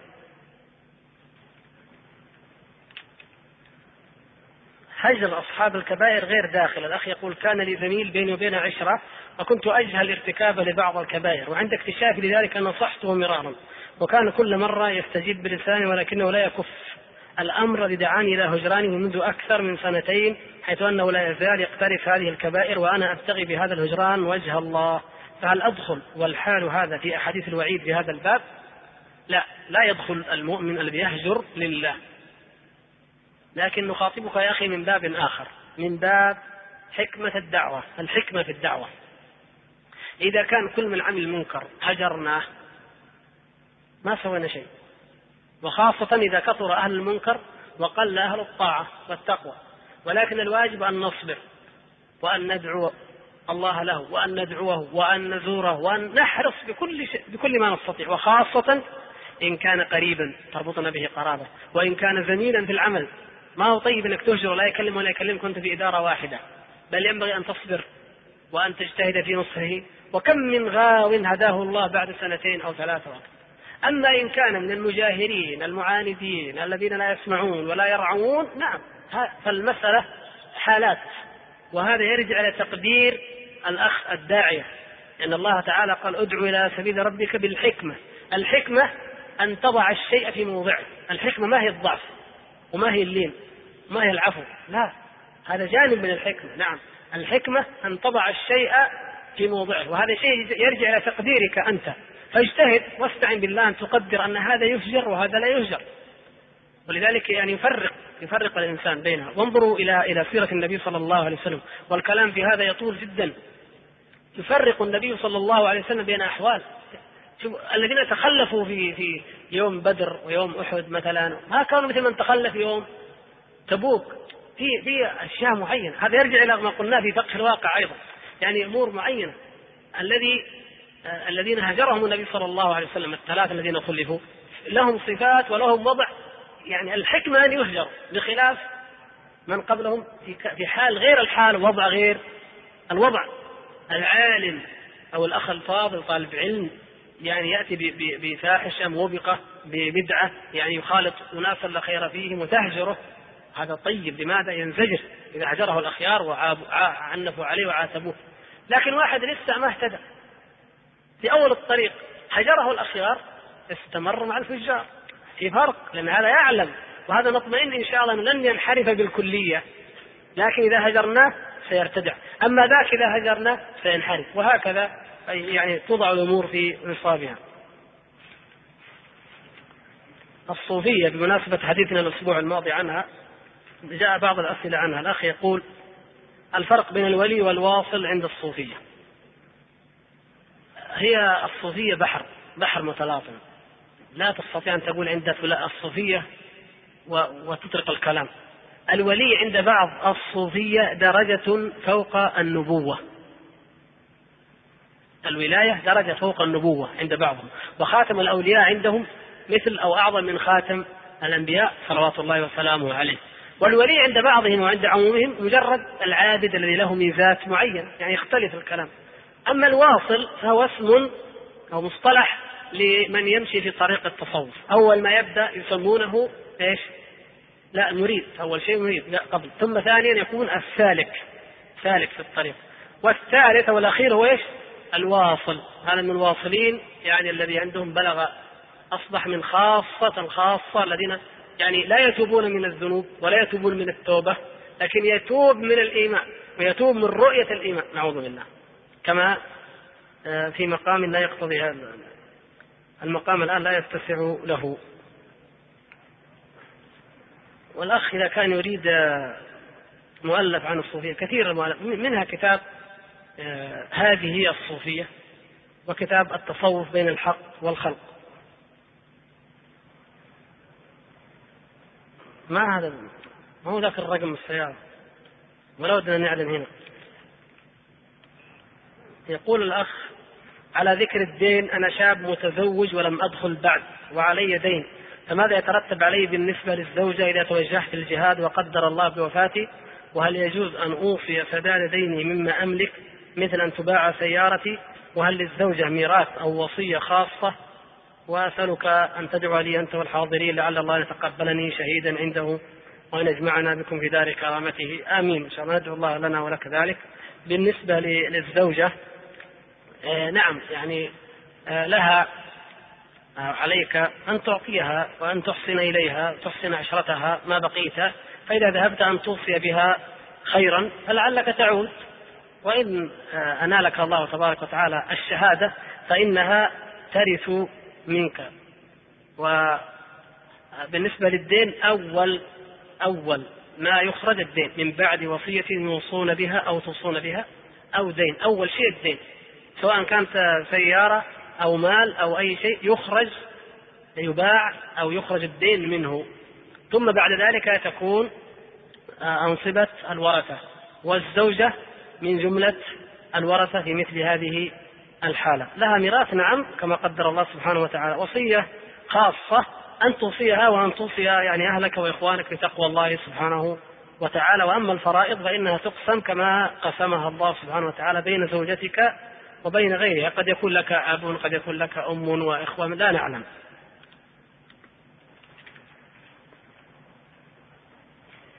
الله المستعان. كثير المشاكل هذه.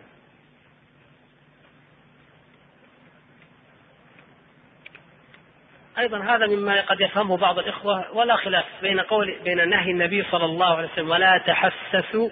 وبين قوله تعالى يا بني اذهبوا فتحسسوا من يوسف وأخيه.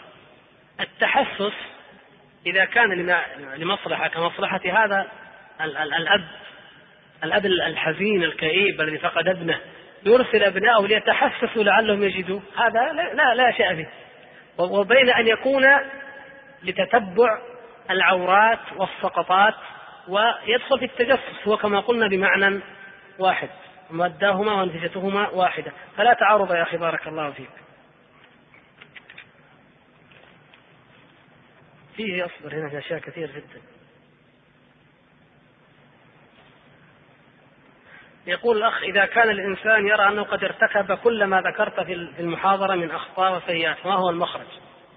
يعني المخرج التوبة والاستغفار ورد الحقوق والمظالم إلى أهلها والتحلل أن تتحلل ممن تكلمت فيهم أو اغتبتهم أو أخذت مالهم أو ظلمتهم أن تتحلل منهم الآن قبل أن يأتي اليوم الذي لا درهم فيه ولا دينار كما أرشد النبي صلى الله عليه وسلم. أسهم الراجح يخلون الليلة من الراجح شوية. أشغلنا يعني موضوع الأسهم هذه جننا دوخنا. خلونا الليلة في كلام جزاكم الله خير. يقول الأخ هناك من الشباب هداهم الله عندما يسمعون من أحد العلماء المعاصرين خطأ في فتوى معينة يقولون هذا عقيدته فيها كذا هذا عقيدته فيها كذا. يعني سمعوا من الخطأ في فتوى فيطعنون في ماذا؟ في العقيدة.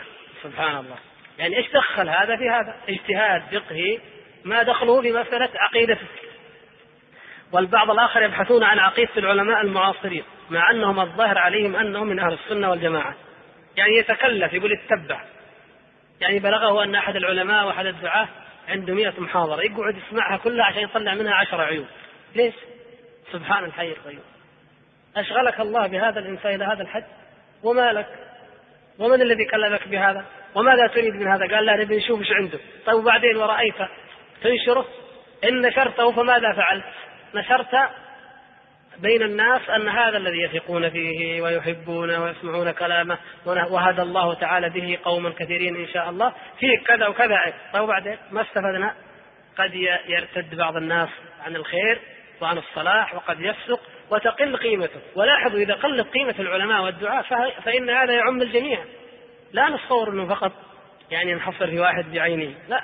لكن الله سبحانه وتعالى كما قال بعض السلف حكمة عظيمة جدا. يقول علامة إعراض الله عز وجل عن العبد أن يشغله بما لا يعنيه. اشتغلك بما لا يعنيه. بعض الناس يقول أبغى أتبع الفتاوى. أنا بردني هذا. سمعتم. يبغى يتبعوا فتاوى شيخ الإسلام ابن تيمية يبين وش فيها من أخطاء. سبحان الله. وبعدين إيش أحسن من هذا عند أهل البدع؟ العباد القبور والمجرمين والملحدين والمؤولين و... إنك تقول ابن تيمية أخطأ في كذا. جاء واحد قال أنا أطلع عيوب الألباني. قال واحد يا شيخ يا إخوان هذه بين أهل السنة من, من أكبر الخطأ ومنافاة الحكمة في الدعوة.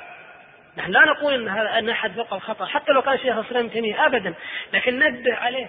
يا أخي إذا كتبت موضوع إذا تطرقت الموضوع بحثت بحثا أو فتوى قلت وأما قول شيخ الإسلام رحمه الله مثل سماحة الشيخ عبد العزيز بن باز حفظه الله في كتاب الحج مثلا. يعني عندما قال وبعض العلماء مثلا يقول إن القارن يجزي عنه أن إن المتمتع عفوا المتمتع يكفيه آه، طواف وسعي واحد. مثلا. يعني نعم ابن تيمية رحمه الله قال هذا الشيء اخطا يعني نبه يقال أو عندما تكتب تكلم عن قضية بذاتها. أو أمام طلاب علم وبحث معين لا بأس وهذا موجود ترى ولا يقدر أحد أنكره. أنك تقول أما ابن تيمية أو ابن القيم أو ابن حجر رحمهم الله في هذا المسألة يبدو لي أنه يعني رحمه الله قد أخطأ في اجتهاده أو أن الصواب بخلاف ما قال رحمه الله وكذا وكذا تثني عليه. هذه ترى ما قد أحد اعترض عليها. المشكلة تقول إيش أنا اجمع غلطاته أجمع أخطاء ونبينها للناس. يا أخي تقول ليش؟ قال يا شيخ الناس يقروا الفتاوى كلهم عشان لا ينغر. هو ما ي... هذه مصلحة لكن نظرك قصير عندما تنظر لهذا النظر القصير وتنسى المفسدة الكبيرة. يقول لك واحد الفتاوى لا والله ما عاد اشتريها. ليش؟ قال شفت الرجال الف كتاب عن اخطاء الفتاوى وما عاد يشتري الفتاوى. واحد طلع أخطاء ابن حجر. قال ما عاد نقرأ فتح الباري. ليش يا أخي في أخطاء؟ انتبه ما عاد تقرأ. جميل. وش تقرأ؟ تركنا الفتاوى تركنا ابن حجر تركنا ابن القيم تركنا الألباني تركنا الشيخ ابن باز كل واحد مثلا عنده وبعدين نرجع لابد نقرأ له البدع. ولا فين نروح؟ هذا من فهم الأمور وعكسها على غير حقيقتها. ولهذا قس قس نسبة الخطأ الذي قاله وقس الحاجة إليه بالمفاسد المترتبة بما ينتشر في الأرض من منكرات ومن إلحاد ومن علمانية ومن فجور ومن دعوة إلى ارتكاب أكبر المحرمات هو الشرك بالله سبحانه وتعالى تجد أنه هذا لا كلامك لا معنى له وعملك لا معنى له أبدا أما أنه كما قلت يعني إذا كان من الأحياء اكتب له اكتب له قل له هذا الشيء كذا كذا اسمع منه. سبحان الله يعني أحيانا الإنسان قد يقول القول لسبب ما وهذه أظن أي واحد منكم يجرب. بلاش نقول على مستوى يعني على مستوى خطبة الجمعة. قد تضطر أن تقول في خطبة الجمعة كلام. ولو سألك واحد بعد الصلاة ليش تقول يا أخي في سبب معين؟ في شيء معين يقتضى أن يقول هذا الشيء؟ لأنه كلام عام. لكن بيني وبينك أعطيك التفاصيل يعطيك كل شيء. طيب أنت إذا سمعت من أحد شيئا تنكره اسمع منه قد يعطيك بينك وبينه عذر. يجعلك تقتنع غير ما قال. وهكذا. ثم إذا وصل الأمر إلى أنه له اجتهاد ولك اجتهاد فهناك قاعدة عند العلماء. الاجتهاد لا يبطل الاجتهاد. أبدا. وشيخ الإسلام رحمه الله له رسالة في هذا وقررها أعظم تقرير الاجتهاد لا يبطل بالاجتهاد ولذلك لو أن القاضي الذي حديث عهد بالتخرج في أدنى سلم مراتب القضاء أفتى وحكم في مسألة باجتهاده لا يجوز حتى لرئيس القضاة وأكبر عالم أن ينقض الاجتهاد باجتهاد مجرد اجتهاد لماذا؟ لأنه اجتهاد باجتهاد أما لو كان خالف النص نعم ينقض الاجتهاد بالنص أما مسألة فيها قولان وفيها اجتهادان هذا قال بقول وهذا قال بقول لا ينقض هذا لهذا ولا هذا ولا يقتضي ذلك عداوة ولا بغضاء ولا شحن لكن ضيق الأفق الخوارج يا إخوان إيش اللي خرجهم؟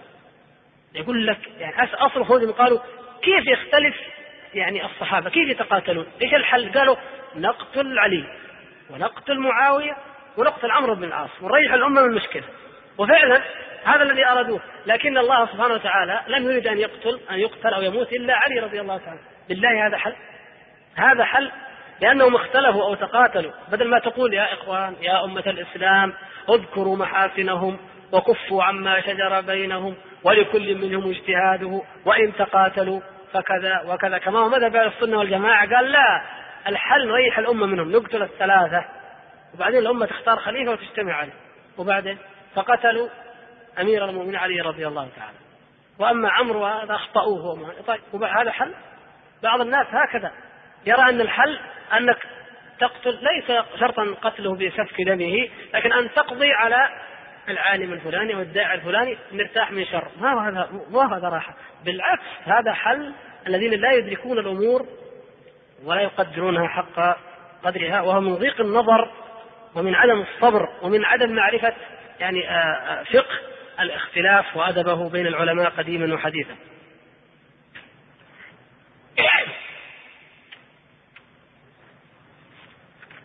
شكر الله لك وأتابك ونسأل الله سبحانه وتعالى أن يكثر من أمثالك. وأنا اسمك غير موجود لكن هذا أخ فاضل لما تحدثنا في الأسبوع الماضي من يحتسب عند الله أن يكتب لبعض الجرائد فكتب كلمة آه، طيبة على ضوء نصيحة سماحة الشيخ محمد بن صالح العثيمين أثابه الله التي قرأناها عليكم. كلمة الحمد لله طيبة وفيها التذكير والنصح والأمر بالعدل ويعني يطلب منهم يعني أن يستقيموا وأن ينصفوا. جزاه الله خيرا. على كل حال هذا أدى ما عليه إن شاء الله تعالى. ولو كل واحد منا يكتب أو يكلم بمثل هذا الأسلوب المشرق الطيب لوجد إن شاء الله الاستجابة. أو أقام الحجة.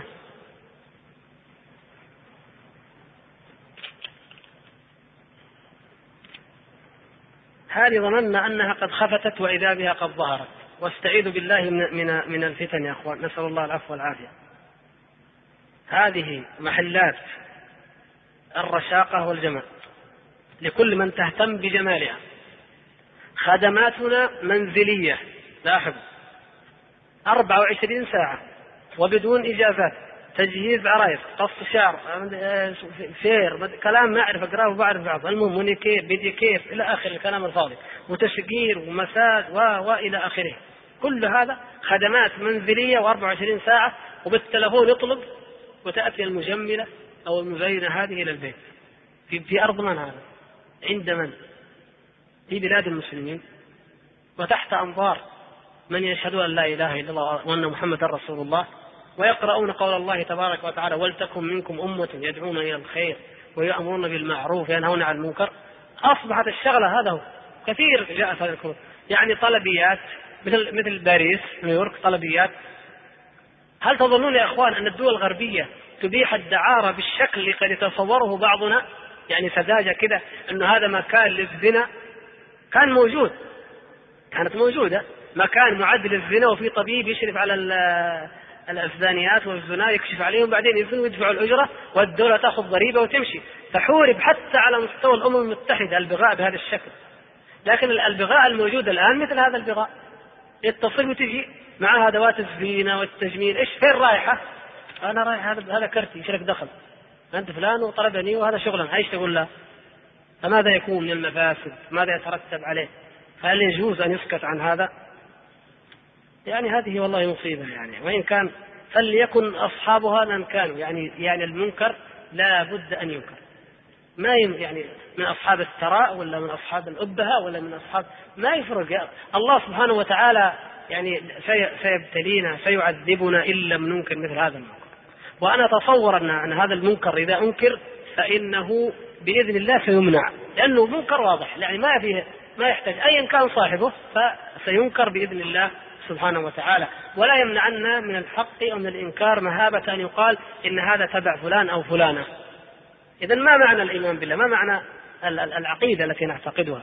عقيدة نظرية كلام في الذهن كذا. وإلا حقا أن نتوكل على الله ونشرع في هذا. منكرات أكبر لأناس أكبر أزيلت والحمد لله. فندق البلاد انقفل. أنتم خبر ولا لا؟ من كان يظن فندق البلاد ينقفل؟ الحمد لله. أنكر أهل الخير وتعاونوا وقفل فندق البلاد. هذه أكثر من فندق البلاد. ما وأصحابها أكثر وأقل. توكلوا على الله وأنكروا المنكر يا إخوان. ولا تخافوا إلا الله ولا تخشوا بالحق لومة لائم. هذه بيعة هذه بيعة رسولكم صلى الله عليه وسلم كما في حديث عبادة بن الصامت. بايعنا رسول الله صلى الله عليه وسلم على السمع والطاعة في المنشط والمكره وعسرنا ويسرنا وأن نقول بالحق ولا نخاف. لومة لائم حق كلمة حق قلها بدليلها بأسلوب حسن وألقها. ستجد القبول بإذن الله. نحن الآن في أمة محمد اللهم صل وسلم عليه والحمد لله في مجتمع خير والله ستجد من يقبلها. في الإمارة في الشرطة في الهيئة في المسجد. المهم أن تقولها ولا يمنعك مهابة الناس أن لا تقولها. تبغى هذا كمان؟ طيب من ينكر أيضا جزاك الله ألف خير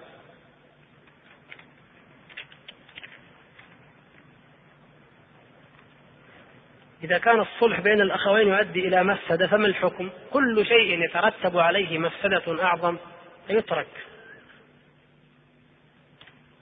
قرب الأذان طيب.